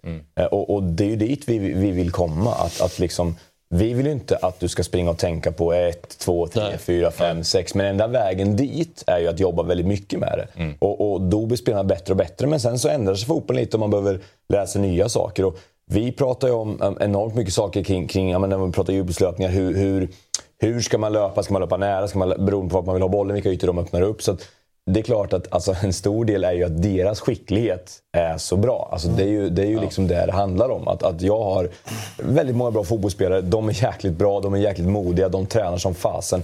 Det är ju därför eh, Värnamo i i det här fallet då, som vi ändå pratar om, eh, spelar en bra fotboll. Det, det, det är ju deras kvalitet, för det är det som alltid kommer att avgöras. Ja. Mm. Nej, Min fråga var lite liknande bara hur, hur mycket du behöver mikrocoacha spelare och hur viktigt det är att du har ledare på planen som kanske kan sköta det åt dig. Alltså det var typ liknande som dig. Alltså för att man vet ju att det är inte tio spelare som har den intelligensen alltid på planen utan det kanske finns vissa ledare. Hur viktigt, alltså det här, för du har ju ditt sätt att spela. Hur mycket är du på sidlinjen och bara mm, mm, mm, mm, in och peta, in och, in och bara där ska du göra så, så, så. så. Alltså, vet, så här, för vissa spelare kan det bli för mycket information. Eh, så, alltså, det var typ en liknande fråga, att det kanske finns vissa ledare då, på planen som kanske sköter det åt dig. Och du vill ju inte kväva deras, liksom, kväva dem, utan du vill ju igen hjälpa dem. Du vill utifrån positionen och sånt sätta dem i... Så att de så ofta som möjligt hamnar i deras starka saker. Alla spelare har ju Styrkor. styrkor som man trivs i, som man tycker nu, det här är jag riktigt bra på. Och om du kan få jobba mycket med dem, ja, då kommer du troligtvis som spelare också se bättre ut, vilket gör att du också stärks i det. Så att när vi pratar om Gustav Engvall så vill jag sätta honom så många gånger som möjligt i situationer där han kan löpa in bakom. Och då försöker vi jobba med, med honom så att han blir ännu bättre i det, men också utifrån matchplanen sätter dem i de situationerna. Kopplat till det du pratade om att vi använder ingen nia. För hade Gustav spelat nian då, då tror jag att han ofta hamnar mot två mittbackar. Det blir inte lika lätt att få de här längre löpningarna. Medan som yttermittfältare som han faktiskt har spelat i år är det svårt för honom att fånga upp dem. För att han har enorm kraft i sin löpförmåga. Så det är ju hela tiden utifrån spelarnas egenskaper eh, vi gör det här. Vi gör ju inte det här för att jag tycker att det är jäkligt roligt att sätta någon där och någon där. Utan vi måste ju någonstans få spelarna att bli så bra som möjligt i de situationer de är bekväma i. Och sen måste vi utmana dem i träning för att ta nya steg. Men, men i grund och botten är, är, är det spelarna det handlar om och de har gjort eh, otroligt bra. Vi ska kasta upp den här tränaren då. Vi bad dig som sagt att plocka ut några egenskaper från eh, tränaren inom världsfotbollen så att vi sätter ihop det till en. Och då har du fått välja fem olika egenskaper. Hellbergs drömtränare och då har vi alltså eh, nyfikenhet, Pep Guardiola och så har vi mod, De Serbi och så har vi Roy Hodgson där nere på temperament och sen har vi klädstil, Diego Simeone och kommunikation så har vi Postecoglou i, i totten. Och du får eh, väl eh, utveckla. Ja, nej men jag, jag, jag, igen, alltså, om man börjar hos Pep Guardiola så är det mycket som, som eh, liksom hur fantastisk han är. Men, men det sättet han har under lång tid förändrat sitt sätt att spela fotboll hela tiden kopplat till det vi började med. Att du, det du kan idag, det räcker inte imorgon. Liksom. Att ha den mentaliteten och trots att man har vunnit så mycket, fortsätta att vilja bli bättre, fortsätta lära sig nya saker, fortsätta ändra hur man spelar. Nu, jag är ingen nia, nu är jag nia. Nu är jag ing, alltså, Det nyfikenheten som han har gjort under så lång tid, framgångsrikt, det slår ju alla. eh, Liksom, och det är otroligt, för det är så lätt att, tror jag, lätt, säger jag, men, men att liksom många tränar att ja, men nu har man hittat sin väg och så håller man fast vid den. Men han vill alltid ta den framåt. Så den nyfikenheten under så lång tid, den är ju oslagbar. Eh, Tillsammans såklart med alla andra egenskaper. Men just den, den, eh, den, den är viktig att hålla fast vid. För att fotbollen, det händer nya saker och folk hittar på sätt att spela försvarsspel hela tiden. Och sen har vi De Serbi som eh, känns som allas drömtränare just nu och då är det modet. Ja, men De Serbi var ju en sån som jag tidigt eh, liksom har haft mycket koll på. Sassuolo och eh, Shakhtar Ja. egentligen. Och såg väldigt mycket därifrån. Och sen har han såklart gått in i Brighton och det har blivit ännu mer eh, liksom lights på honom så. För att han har gjort det fantastiskt bra. Men, och det är någonstans hans mod att, eh, att ta sig an matcher på ett sätt som jag tycker är häftigt. Jag tycker att, jag tycker att Brighton har en ganska Ja, det är inte en topp 10-trupp han, har- han har att göra med spelarmässigt. Men, men han får ut så extremt mycket av dem. Han får spela se så bra ut.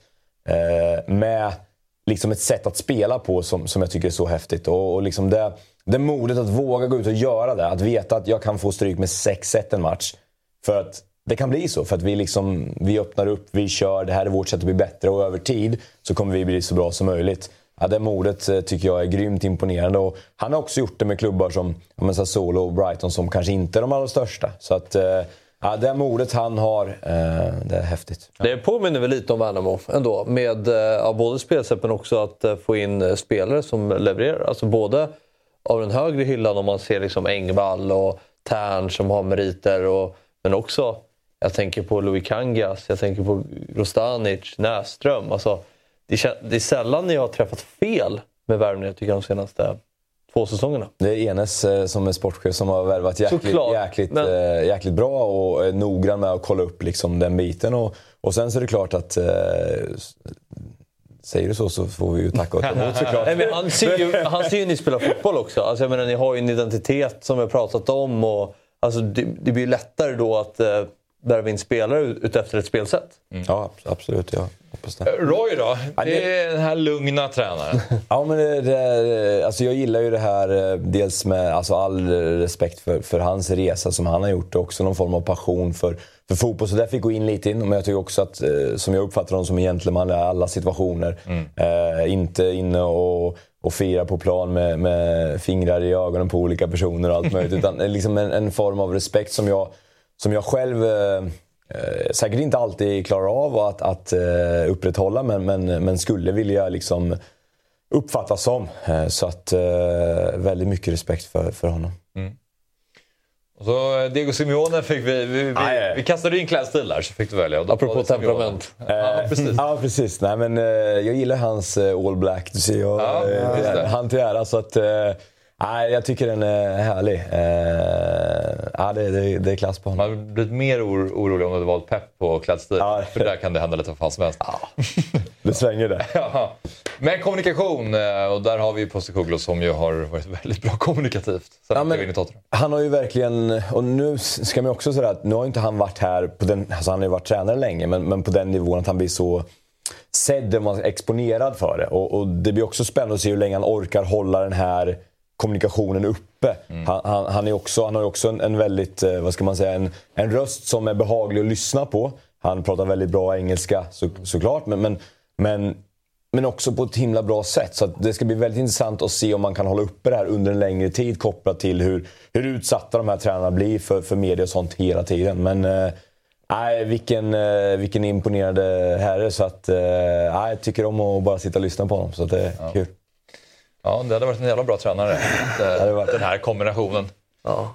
Och Xabi Alonsos fot. Och Alonso. Skicka in också. Ja. ja, men eh, oerhört intressant att, att höra Kim och mycket att ta med sig. Och man, det blev ganska nördigt kändes det som under vissa perioder. Men för alla som liksom satte sig in och lyssnade på vad som faktiskt sa så tyckte jag att det var jävligt spännande att lyssna på. Men vi ska eh, prata nu lite grann om EA Sports FC24. För vi är ju sponsrade av eh, EA Sports och nu har det gått ett par veckor sedan spelet släpptes och eh, man har fått känna på de flesta spelarna i spelet. Och då har vi en annan liten övning här då, där vi ska ta ut vår drömtrio men till en begränsad budget. Så att vi har eh, 10 eh, kronor var här då, i budget och så har vi ett gäng spelare som kostar 5 och sen har vi några som kostar 3 och så har vi några som kostar 2. Och så får man sätta ihop eh, tre spelare, en från varje rad. Då. Hänger du med Sabri? Ja. Men om vi har... eh, Ja, exakt. Det är backar... Nej, vad fan, hur blir det då? Alltså, det är lite blandat. Men det är, det är ju ratingen på spelet Ja, som eh, är själva eh, kategorin. Ja. Och sen så Hur, är, är det enklaste uppgiften jag fått i hela mitt liv. oj då, berätta. Ja. Mbappé, Bellingham, Milosevic. Det är inte svårare än så. Det låter inte så... Jo, det låter i och för sig ganska balanserat. Bellingham får väl ha lite... Vänta nu. Jo, jag menar bara du vill ha en, försvar mittfält. Du har ju en supersnabb där uppe med, med många kvaliteter. Du har en Bellingham som kan spela på alla positioner. Ja, vi kan lägga ner mål. Och så har vi Milosevic som bara ska stå där om vi pratar lite attityd och sådär. Mm. Han eh, kan ju gå in och jiddra med någon som tacklar eh, Mbappé och sådär. Så det där blir ju... kan inte välja någon annan från den där raden nere. Ja. Nej, det, för mig var det enkelt. Jag vill ju mixa lite. eh, Du vill ha Messi, vi vet Jag vill ju mixa lite eh, mellan eh, könen. Så- Jag såg inte ens Messi om jag ska vara ärlig. För fan, huvud var i vägen. Men Lionel Messi hittar in i mitt lag. är Tror det eller ej. Men han är en del av det. Och sen så väljer jag eh, Liki Martens också. Som får vara... Jag tänker att hon får vara lite mer offensiv så Messi droppar ner. Och sen Jag vet så inte vad hon har för vi... skills om jag ska vara ärlig. Men... Och sen så har vi Johan Larsson som bara pumpar på längs högerkanten. Ah. Där har vi mitt gäng. Extremt dålig balans i det där laget, men där har vi min trio. Ja, jag tar Sam Kerr, Bellingham och Marcus Danielsson. Sam Kerr, Bell, ja. Mm. Ja, det, känns, det känns som att man ska trött. Eller? Vilka sa du? Det sprakar inte mellan, mellan Kerr, Danielsson Alltså, den, guld, den guldfesten vill man inte gå på. Det är. Det Bellingham, Bellingham själv som försöker stå och liksom få igång det där.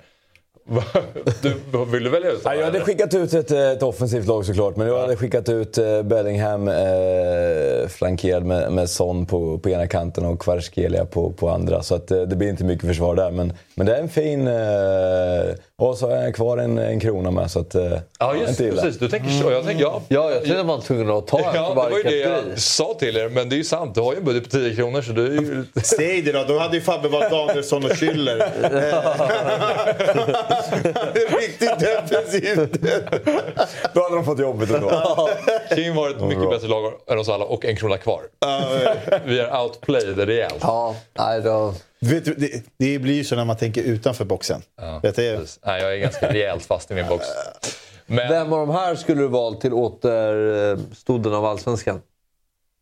De längst ner. Om du... Ja, ja, det är ju jättemånga bra spelare. Ehm, ja, men ta, ta, ta Hovland då, så får gör ni lite mål på fasta situationer framåt. Det är ju ett bra namn. Sen tycker jag, att- jag tycker att Rasmus Schüller var, när vi mötte honom, som när, han- när han var mittfältare i matchen eh, vi på Finnvedsvallen, var han otrolig alltså. Eh, Ja. Men det är klart att Kurtulus är inte gammal heller. Eh, så att, eh, och Hovland Nej, nu får du tänka försäljningsvärde. Ni ska vinna höstallsvenskan. Det är... ja, men det, det, det tror jag vi kan göra med de grabbarna vi har. Men det säger faktiskt många som ändå stött på Schiller nära planen också. Alltså, att han är jobbig att möta. Alltså man, han täcker ytor, han vinner boll. Och, så här, det, ser man ju såklart från tv-soffan också. Men jag tror att alltså, man möter honom att det är en jobbig jävel att möta. Eh, ja, men så är det. Vi säger eh, stort tack till IE Sports FC24 som är med och möjliggör Fotbollsmorgon. Nu ska vi ta en kortare paus och när vi är tillbaka då ska Jesper Hoffman kliva in i studion. Men vi har kvar Kim, så vi blir eh, fem i studion. Vi ska prata om helgens Stryktipskupong och sen så ska vi dessutom ta oss an helgens höjdare givetvis. Och så ska vi fortsätta med det här segmentet som vi påbörjade förra veckan som vi kallar för eh, tre eller fem snabba. Och eh, då har vi varsin tavla och så ska man bara svara snabbt på en fråga och så ska vi avsluta med lite quiz. Vi körde ju Immaculate Footy förra veckan och det ska vi göra den här gången också. Så att det är mycket kul kvar och Jesper kliver in i studion så vi är alldeles strax tillbaka.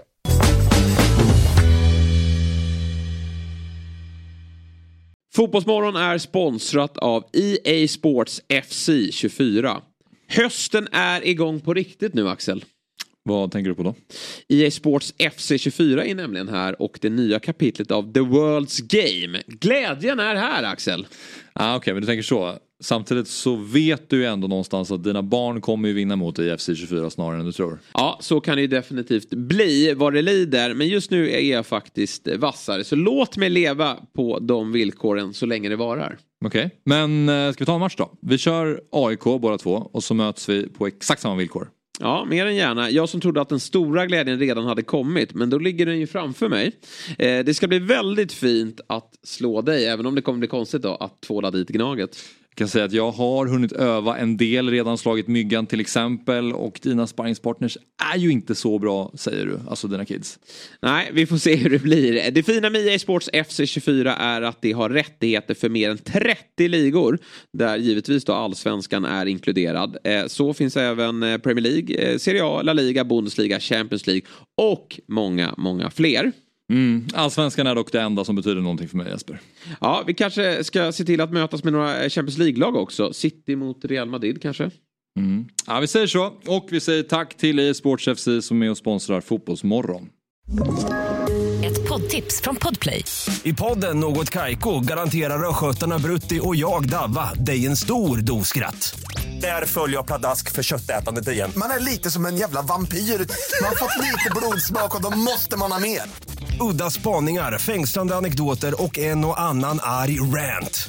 Jag måste ha mitt kaffe på morgonen för annars är jag ingen trevlig människa. Då är du ingen trevlig människa, punkt. Något Kaiko, hör du på Podplay. Därför är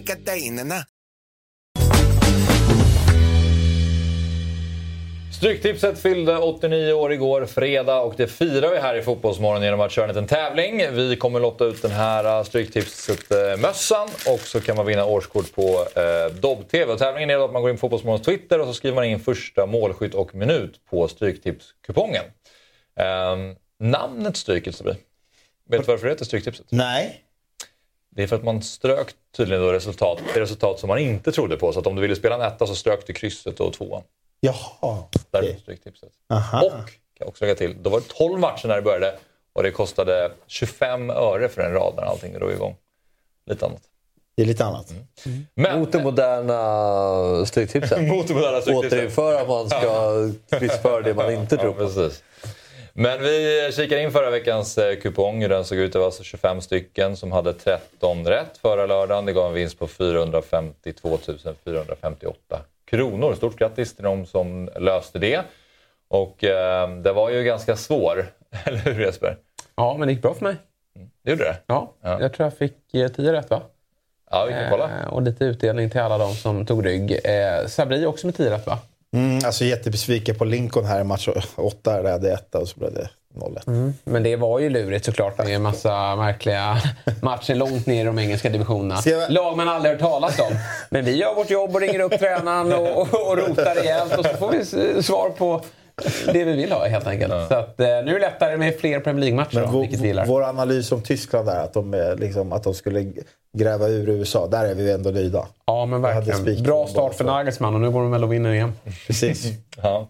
Utmaningen, ska vi kolla på den då? Det var ju så att eh, Jesper du hade 10 rätt, Sabri hade 10 rätt, Snygga 9 och eh, Kalle Ultin har klivit in i det här och han kliver in med 8 rätt nu. Mm. Ja, det kommer bara fortsätta. Svag start. Ja.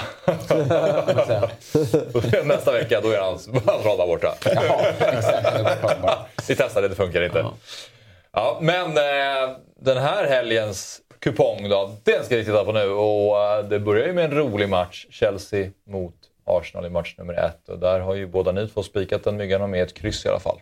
Men eh, ni verkar säkra på att Arsenal vinner? Ja, men Arsenal de menar allvar med den här säsongen. Jag tycker att de har eh, växlat upp här nu och Saka sägs vara tillbaka till den här matchen. Eh, ska, Martinelli också hoppade in mot City och kommer förmodligen starta den här. Då, då, ser vi det gamla Arsenal och då tror jag att de är ett nummer för stort för eh, Chelsea. Och de har dessutom jäkligt bra facit just på Stamford Bridge under Arteta. Så att, eh, jag, eh, jag känner mig trygg i, i att spika tvåan. Dumt att slösa tecken där. Däremot är det kul att ha med krysset då mot eh, Sheffield United mot Manchester United mm. i, i match två där. För att man, eh, man kan inte lita på, på Manchester ännu. Men du har gaffeln? Eller eh, har du gaffeln? Mm. Ja, jag tror faktiskt att jag har kryss tvåan där. Ja. Eh, men det här är ju bara en skiss till att börja med. Ja, men jag kommer i alla fall ha med ett skrälltecken. Ja. Kommer med ett skrälltecken ja. Definitivt. Ja, du ser i alla fall inte som otänkbart att Sheffield skulle gå in Nej, nej, nej. Så att, alltså, sen om det blir krysset eller ettan. Det, jag kommer inte måla på fullt, men, men en gardering ska jag med där. Mm. Okej. Okay. Ja, um, Sabri, du mm. tror att Brighton kan lösa en poäng på ett Ja, varför inte? Alltså, alltså City har inte övertygat sådär på senaste tiden. Sen, Brighton är ett lurigt lag. Det kan ju absolut stå 3-0 här i halvtid till Manchester City så är det över. Men eh, Brighton har spelat båda lagen i mål i 8 av 8 matcher. Så att de kan göra mål här och kan de göra det första så kan de kanske spöka till det lite för City. Mm. Sen är det så här... Ah, ja, någonstans måste väl ha med lite skrälltecken för att liksom också få upp liksom, eh, lite större pengar. Och det är därför jag är med Sheffield United-krysset till exempel. Eh, så, Vilken ja. match har ni tampats mest med, den här kupongen? Eh, jag tycker att eh, match 5 kan bli lurig på så sätt att dels kan den bli uppskjuten. Det är tydligen en väldigt regntung plan och kommer att... Eh, det är Nottingham Forest Luton du pratar om här Ja, precis. Eh, de kommer att eh, prova, eller testa planen klockan 11 eh, lokal tid imorgon. Och det är inte säkert att matchen blir av, men blir den av Kanske man ska med krysset här på grund av att den blir väldigt svårspelad. Och det kanske gynnar eh, bortalaget Luton här som säkert bara vill åka dit och, förstöra för Nottingham Forest. Men eh, innan jag fick den infon hade jag eh, spikettan. Men där skulle jag kunna flytta tecken just för att en, en dålig plan är inte lätt eh, för Forest att hantera. Nej. Ja, men eh, så här ser kupongen ut. Andelar hittar ni, hittar ni via dobb.one stryktipset. Påminner också om vår tävling då. Så gå in på Fotbollsmorgons Twitter. Då kan man vinna en eh, mössa och ett årskort på Dobb-TV. Man ska alltså skriva in den första målskytten på den här eh, kupongen. Målskytt och eh, tid i, eh, i matchen. Och det är spelstopp 15.59 kan man ju säga till alla som inte har kollat. Chelsea-Arsenal spelas i 18.30 så ta inte en match. Då är det, då är det, då är det 12 matcher som ska sluta 0-0. Det kan ju bli 0-0 i 16 vet jag aldrig. Basaka minut 5, det är helt kört. Det är väl ett bra tillägg men jag tänker det jobbet får folk lista ut själva. Ja, men det, det, det är bra, absolut. Eh, Stryktipset är en produkt från Svenska Spel, Sport och Casino AB. Det är åldersgräns 18 år och om man har problem med spel så finns stödlinjen.se. Eh, Jesper Hoffman, du var inte med här i första timmen av programmet. Eh, satt du där ute och lyssnade? Och Det gjorde jag, har du, absolut. Har du blivit klokare efter Ja, men det var jag. Kims, Kim eh, förklarar tankar? fotboll på ett eh, intressant och kul sätt. Det är inte alla som lyckas eh, göra det. Man märker hur han brinner för det och en stor anledning till varför Värnamo går så bra såklart. Det där lyssnar ju spelarna på. Jag kan tänka mig det, att när, det har man ju hört att man har en, trä, en spelares... Eh, de kan inte lyssna för länge heller. Eh, Jag vet att ni är väldigt eh, teoretiska och, och taktiska. Men hur länge liksom känner man att man har med spelargruppen när man, man pratar med dem?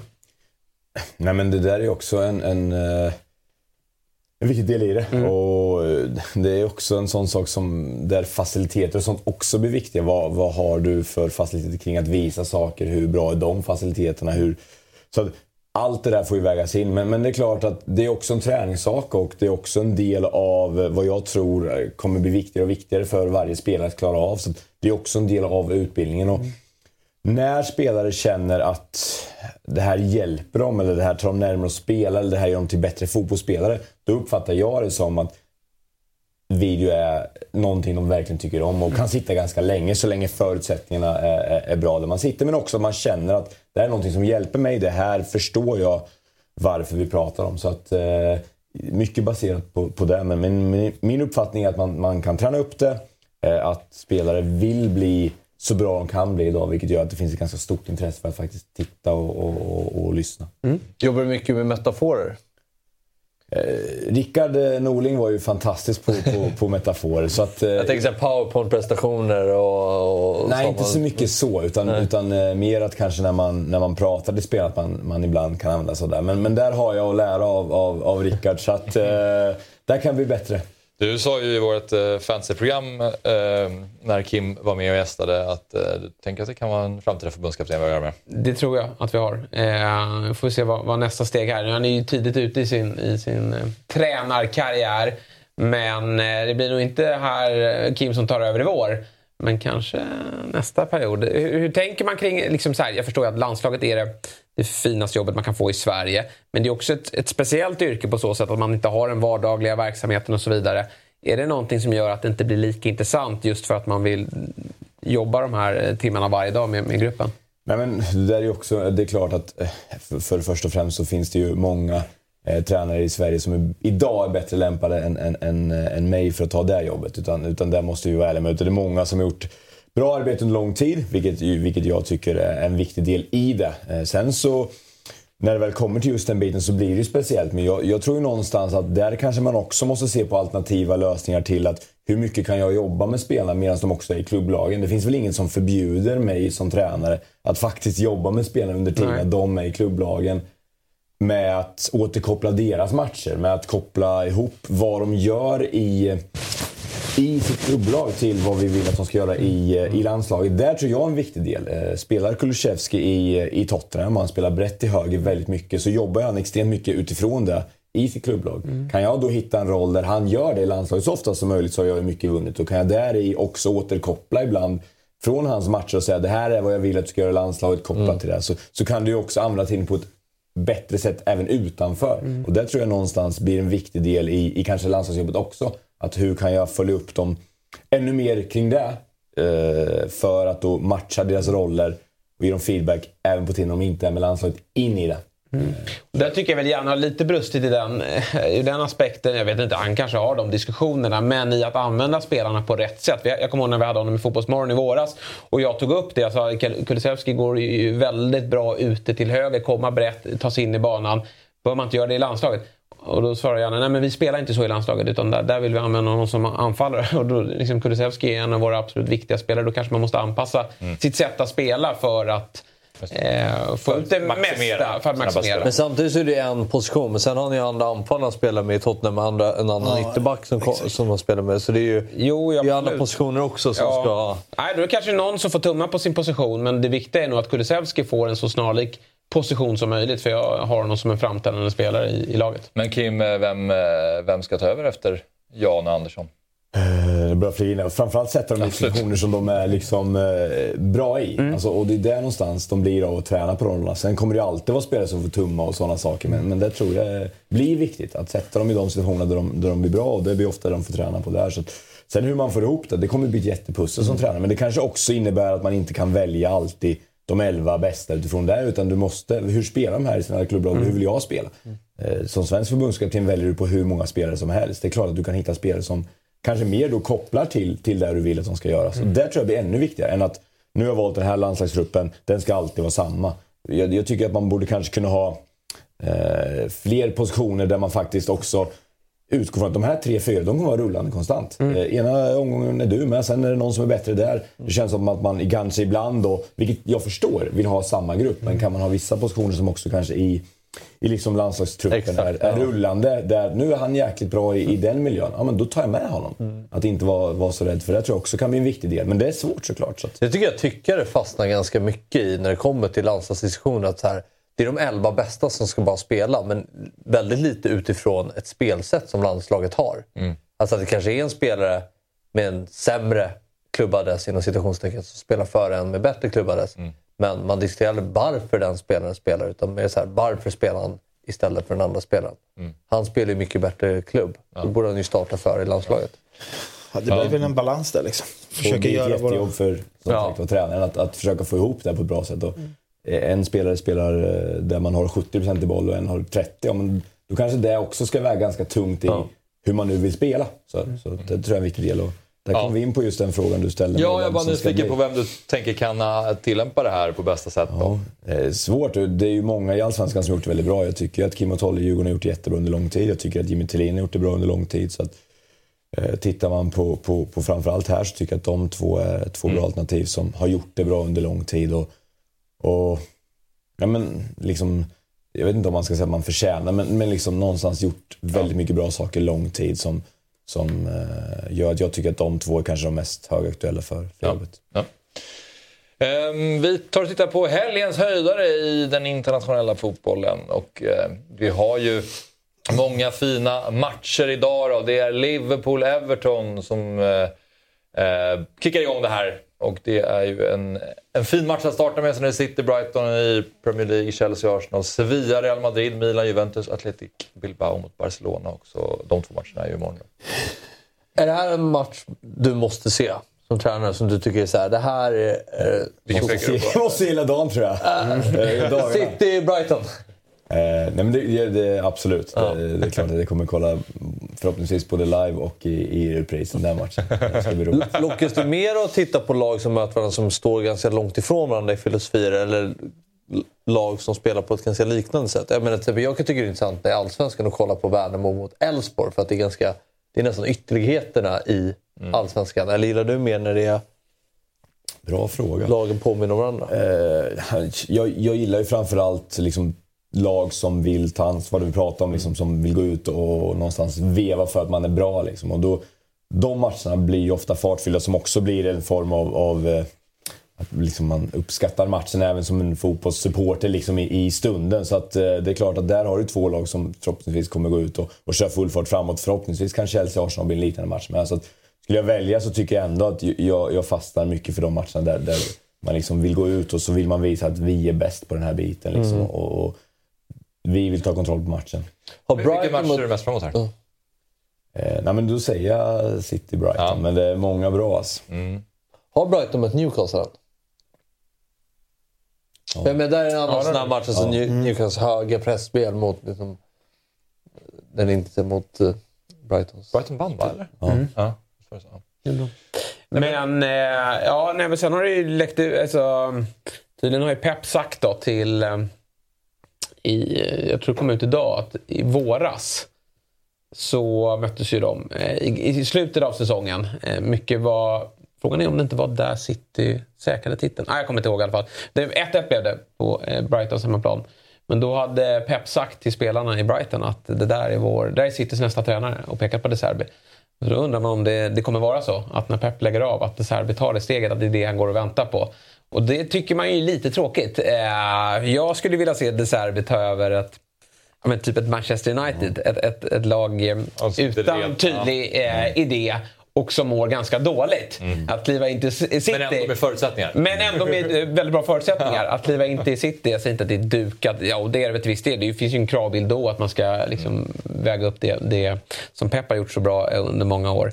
Men det är nog, eh, tror jag, Citys ägares dröm såklart att det lappar ihop. Att mm. De Serbi är klar med Brighton då och att Pep slutar och då kliver han in där. Company är också ett alternativ. Ja, det är han klart. Men, men, frågan är... Ja, men där måste man ju ändå säga att De Serbi är jo, jo, såklart. långt före. Men, ja. Company är ju... Hur, hur, mycket Premier, eller hur mycket La Liga och Serie A kollar du på? Ja, inte så mycket ändå. Eh, utan eh, det är ju allsvenskan som blir nummer ett och där ser ju nästan alla andra lag också. Och ja. sen så, så är det ju Premier League kopplat till också FPL och, mm. och intresse där. Och sen så Sen så finns det inte så mycket tid över. Utan, eh, men, men, eh, Sitter du på helspänn då eller kan man sitta och njuta och ta en öl och bara liksom när jag kollar åka med? Allsvenskan eller? Eh, nej men Premier League. Nej men Premier League så, det är ju...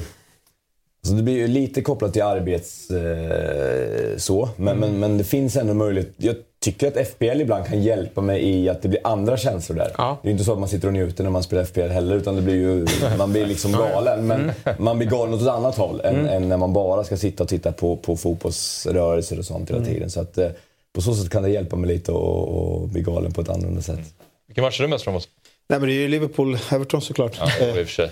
Men, eh, ja, men alltså för många faktorer. Men alltså jag tycker det är nice att komma tillbaka efter det här uppehållet och direkt kliva in i ett derby. Liksom. Inte den här lunkmatchen mot Burnley. Sen om det inte går vägen så vet vi att Klopp kommer klaga på att det är 13.30 och att Nunez och Diaz och de här McAllister har fått resa långt hem från Sydamerika och så vidare. Men eh, jag ser en ganska komfortabel seger här för Liverpool. Eh, det gör jag faktiskt. Jag tycker, även om den här XG-tabellen som vi pratade om, eh, eh, om man kollar ja. på expected goals, där ligger ju Everton fyra. Ja. Men de befinner sig på typ 16 plats i den vanliga tabellen. Så de får väl fortsätta med den ineffektiviteten här om några timmar. Så jag tror att alla topplag i England känner nu att fan, kan det här vara året och City inte riktigt når upp till, eh, till max? Med tanke då på att de har två, raka, eller två förluster i, i närtid här. Och, eh, många lag har ju spänt bågen och Liverpool har ju fått en riktigt bra start här och, och kliver dessutom in i ett ganska trevligt schema här nu eh, den närmsta tiden. Så att eh, Premier League är en, en eh, spännande liga just nu. Så får vi se hur det ser ut i Men vinner inte City, då vinner Arsenal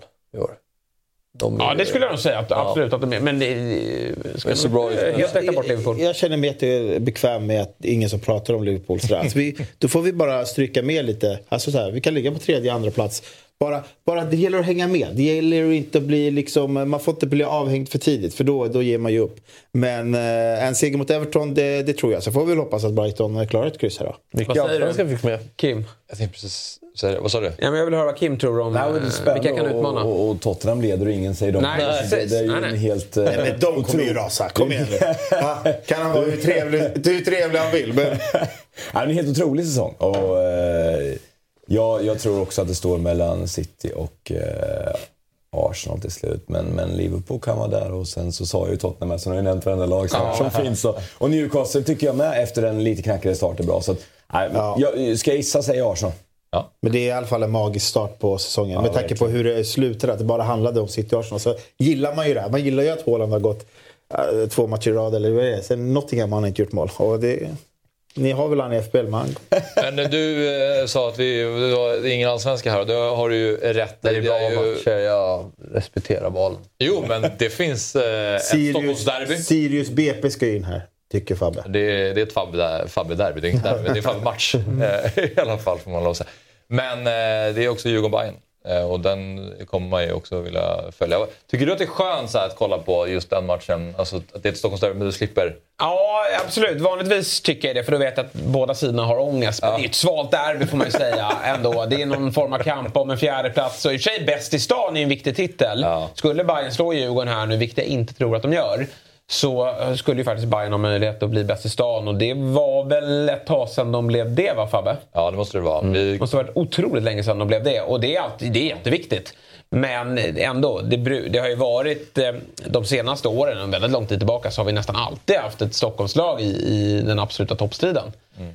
2020, eh, pandemiåret, så var det ju Malmö sprang iväg tidigt. Men, men i övrigt så, så, brukar det alltid vara något lag där uppe och slåss. Men i år har det inte varit så. så Vad var din fråga? Jag lyssnade inte. Du ställde en fråga. Bäst i stan? När var Bayern bäst i stan senast? 20... 2018? Han pratar, Nej, de var nog... han pratar inte om... gru- Han pratar ju... Slut inte 2018. Nej. Nej, det har de inte Då vann varit. AIK var 2018, 2020. Sen har Djurgården varit... Ja, det måste väl vara det. Vi har ju en bajare här ute. Ja, det är i Viktor. Kjellander får skicka in huvudet och berätta för oss om han vet om det. Men eh, det, vi sa ju i alla fall i 08 Fotboll här i veckan att du konstaterade att om, om Djurgården är bäst i stan i år så är det i alla fall fyra av de fem senaste säsongerna. Eh, Mm. Ja, det är ju någonting. Från, från 2018 då. eh, Så har det varit fyra av de fem senaste. Precis. Ja, det, det är verkligen viktigt. Så det, det ska man inte underskatta. Men äh, det är sjukt med Bayern Nu är väl chatten på oss direkt här, men jag tror inte att de har varit bäst i stan. Ja, får, vi får, jag, jag, det låter som... När de har varit som bäst Förhoppningsvis de kommer de upp kontrollrummet. Vad sa du? När de har varit som bäst så har ju de andra Stockholmslagen varit väldigt bra också. Alltså 2018 var de ju... Det var ju den säsongen de höll på att gå för guldet. 2019 spelade de den här fantastiska fotbollen. Eh, Och 2021, 2022 har de ju varit bra, men då har ju Djurgården varit bättre. Mm. Nej! 2021 är de bäst i stan. Gör de det? Nej, AIK är bäst i stan. AIK Just det, kom i tvåan. Ja, vi går vidare. Rörigt, eh, men vi får se om vi får ett svar på den här frågan. Eh, Vi sitter bara och gissar oss fram här än så länge. Men eh, ja, det är en jäkla rolig helg som väntar. Vilken, är, det, är det Sirius BP? Eller är det BP Sirius? Är det? Sirius. Sirius BP. Är det den matchen som du ser mest om? Nej, det sa jag inte. Nej, jag frågar dig. nej, men det är många matcher. Jag tycker många här är roliga också. Ja, men City, Brighton och Chelsea, Arsenal såklart. Eh, har börjat eh, titta lite La Liga nu.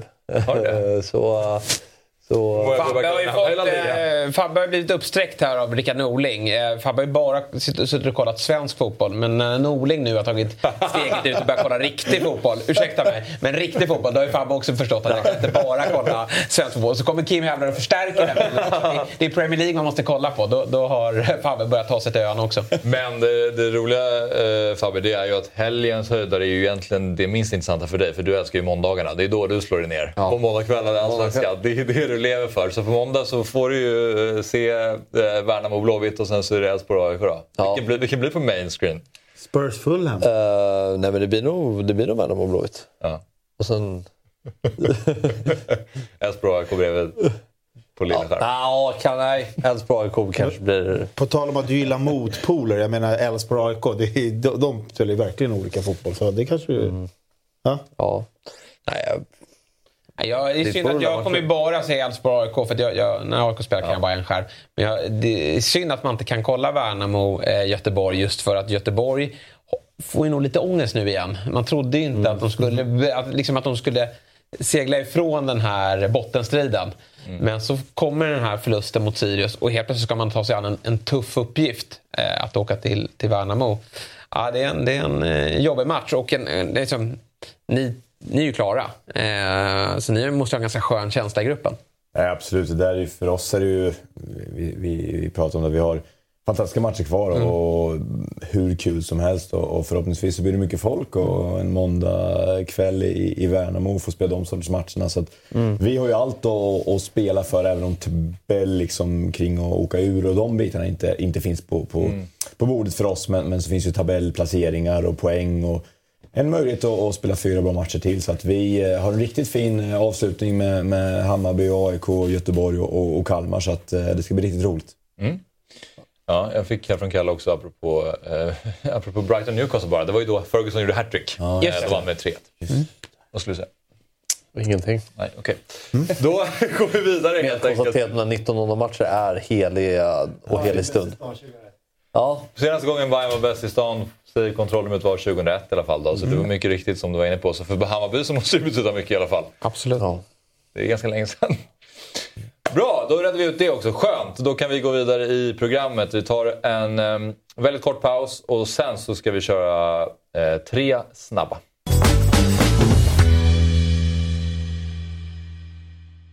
Vi är denna vecka sponsrade av Hantverksdata. Ett målbaserat affärssystem som hjälper över 100 000 hantverkare varje dag. De hjälper hantverkare att digitalisera sin vardag. Precis, vilken grej! Och vi kliver in i en period nu när det är matcher i de största ligorna och Europacuperna mest hela tiden.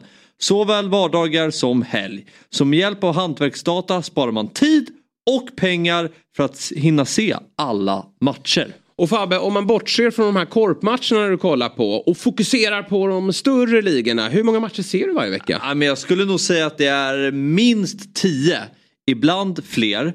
Så då gäller det ju att vara väldigt effektiv. Jajamän, och Hantverksdata har hjälpt hantverkare att spara tid och pengar i över 50 år. Allt är samlat i samma system där du hittar lösningar för bland annat order, projekt, service, lön och lager. Du behöver bara ett system för att effektivisera din vardag. Nämligen det från Hantverksdata. Av hantverkare, för hantverkare.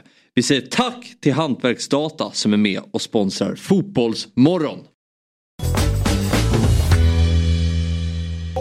är vi tillbaka i Fotbollsmorgon och eh, nu kör vi tre snabba.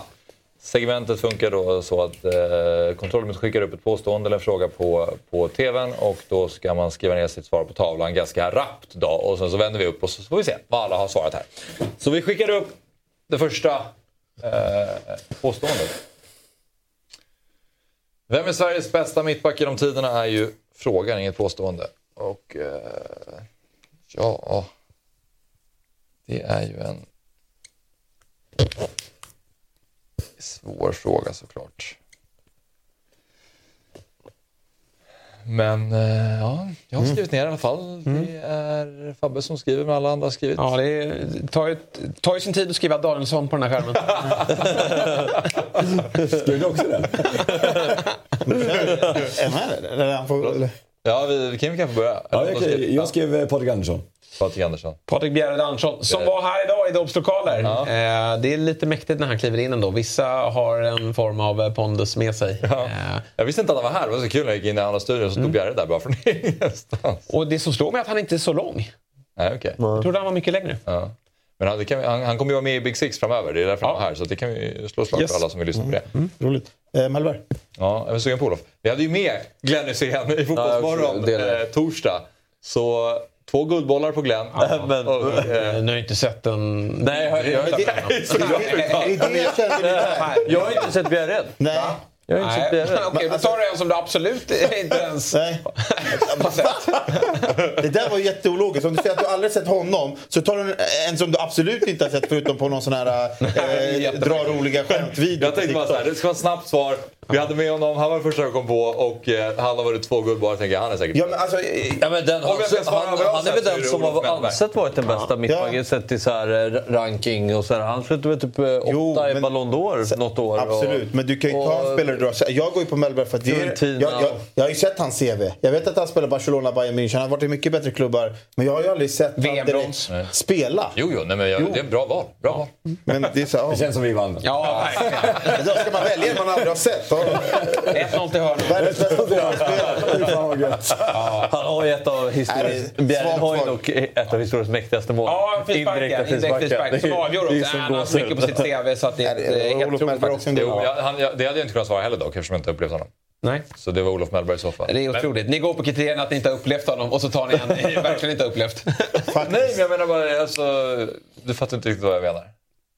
Skitsamma. Skitsamma, vi går vidare. Ja. Vi tar nästa. Jag Jag orkade, jag orkade inte jag förstår faktiskt exakt vad du Ja, skulle bra. sagt. Bra. Vi tar nästa fråga. säga. Det är alltså vilken aktiv spelare är mest beroende av sin snabbhet? Det är ju valfri spelare idag ju. Oj, oj, oj. oj.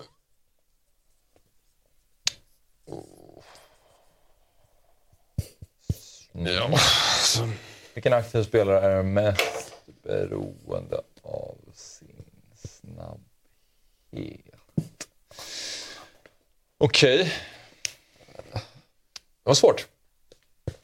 Men eh, jag har fått ner ett svar i alla fall. Du ser ut att ha ett svar. Ja, det är Jag orkar inte tänka så länge. Ska det gå snabbt? Det, det är ju det som är hela syftet med den här grejen. Det ska gå fort.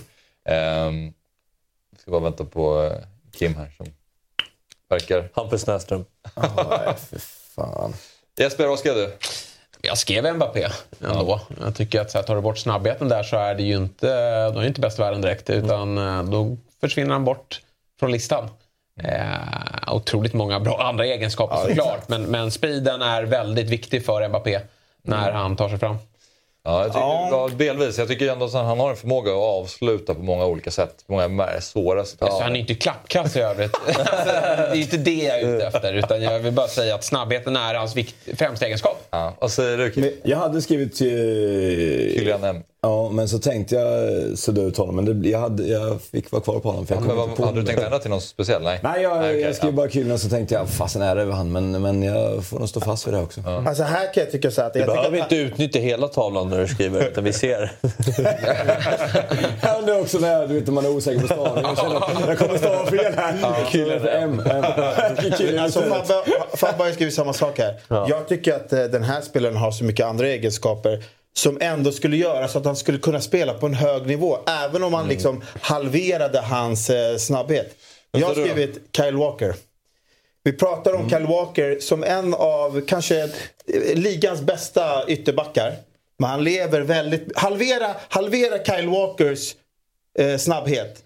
Så spelar han inte i en topp 6-klubb i Premier League. Han, ta bort hans snabbhet så spelar Kyle är Walker inte i. City.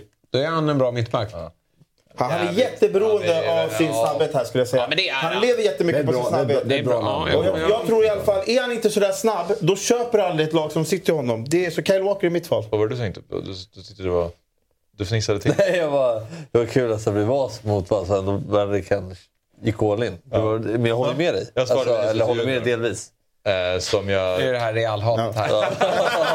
Helt otroligt. Har han fått tillräckligt med hat av Barca-supportrar? Ja, jag tycker att han är en fantastisk spelare men han är, han är ju extremt liksom, rak i sin spelstil och då måste man ha den speeden han har. Ja, men det är ju Mbappé också. Jo, ja, men ja, absolut. Men jag tycker att Mbappé är en bättre fotbollsspelare än Vinicius. Om, man, om, om, man tar bort, om båda är långsamma spelare så tycker jag Mbappé är bättre. Jag håller inte med. Nej, då agree to disagree. Helt enkelt. Nästa fråga kommer här. Vilken svensk anfallare är bäst efter Zlatan historiskt sett? Ja, men sorry allesammans. Ja, exkluderar vi väl samtliga. Har vi en till fråga eller? Jävla Sverige-fokus här. Ah, Det här är jätteenkelt. Ja, här har man ju ett... Ingen kan ju skriva något annat än Henke, då går jag ut. Alltså, om man skulle ta med hela, hela fotbollshistorien för Sveriges del, då kan man ju svara. Ja, men du kan ju inte ta men jag en gubbe som gjorde en Nej, fint återigen, 58. Jag har ju fått så mycket skit redan så jag kan inte göra det nu. Så nu har jag svarat Henke för, så att ni ska bli Vem glada. tänkte du svara då? Ja, jag skrev Gunnar Nordahl. Hans principer. Du sa ju nyss att de inte kunde välja Bjerre. Då skickar vi upp den här då. Thomas Brolin. Ja, va- ja, var han anfallare då? Ja, jag tycker det. För Bara att för att han flyttas ner på en kant i, VM Henke. 94. Bättre än Henke. Nej, alltså Henke har ju haft en mycket bättre karriär. Men alltså Brolins höjd, otrolig mitten 90-tal. Eh, han och piken var väl ändå 94 och då var det väl Kenneth och Dahlin som var anfallare. Brolin var väl inte... Ja, men det, vi kan inte snudda in. Ja, jag kan hålla med att eh, Brolin kan vara... Men, jag tycker Men nej, men jag tänker en tycker... spelare Jag måste säga att jag tycker. Henke. Jag, jag visste att alla skrev Henke. Så det Hybrid. Jag skickar upp ett Som namn. Julian Alvarez. Hybridanfallare. Ja. Hybrid-mittfältet. Vad säger Kim? Om, om, om, Brolins, om Brolin-valet tänkte jag på. Eh, nej, men det beror lite på hur man räknar igen då. Lite mer eh, ytterforward droppande. Så, Ja. Absolut. Men, men det är klart att det blir svårt att säga om inte Henke om vi ska ta Ja. anfallare. Ja. Och så en lång och bra karriär på Henke. Det Brolin hade ju lite för kort. Och, och så, men uh, otroligt framträdande under eh, en kortare tid. Men jag, jag håller faktiskt med Henke Larsson. Men var lite Nordahl väldigt bra. Älskar att du håller kvar vid eh, de som du alla sätter ut av. Men Torbjörn Nilsson hade väl David Fjell sagt. Ja. Eh, Men eh, jag tror att eh, Henke Larsson är väl det bästa alternativet. Ja, ja Nordahl, men det är... Men Det är svårt att välja en spelare man inte sett en annan typ. Va? Jag tror att det var de vi hade faktiskt. Jag tror inte att vi hade några fler. Eh, vilket eh, roligt eh, avsnitt. Jättekul att ha dig här Kim. Verkligen. Kul att vara Hur, här. hur, tyck- ja, precis, hur upplevde du det själv? Eh, nej, det var jättetrevligt. Kul. Eh, bra fotbollssnack. Eh, hoppas eh, att det blir något att lyssna på. Och sen så bra stämning här och sen eh, tufft att ta med sig den här förlusten i sista här. Det blir, eh, det blir jobbigt att bearbeta, men eh, vi får se. Ja. Ja, vad, du, du, vad tyckte du? Eh, bra, jättebra. Kändes som att du tyckte att det var kul i alla fall. Jag upplevde det. Ja. Bra, vi säger så. Eh, tack till alla som har tittat. Eh, vi ses igen nästa vecka. Trevlig helg. Fotbollsmorgon presenteras i samarbete med Stryktipset, en lördagsklassiker sedan 1934. EA Sports FC 24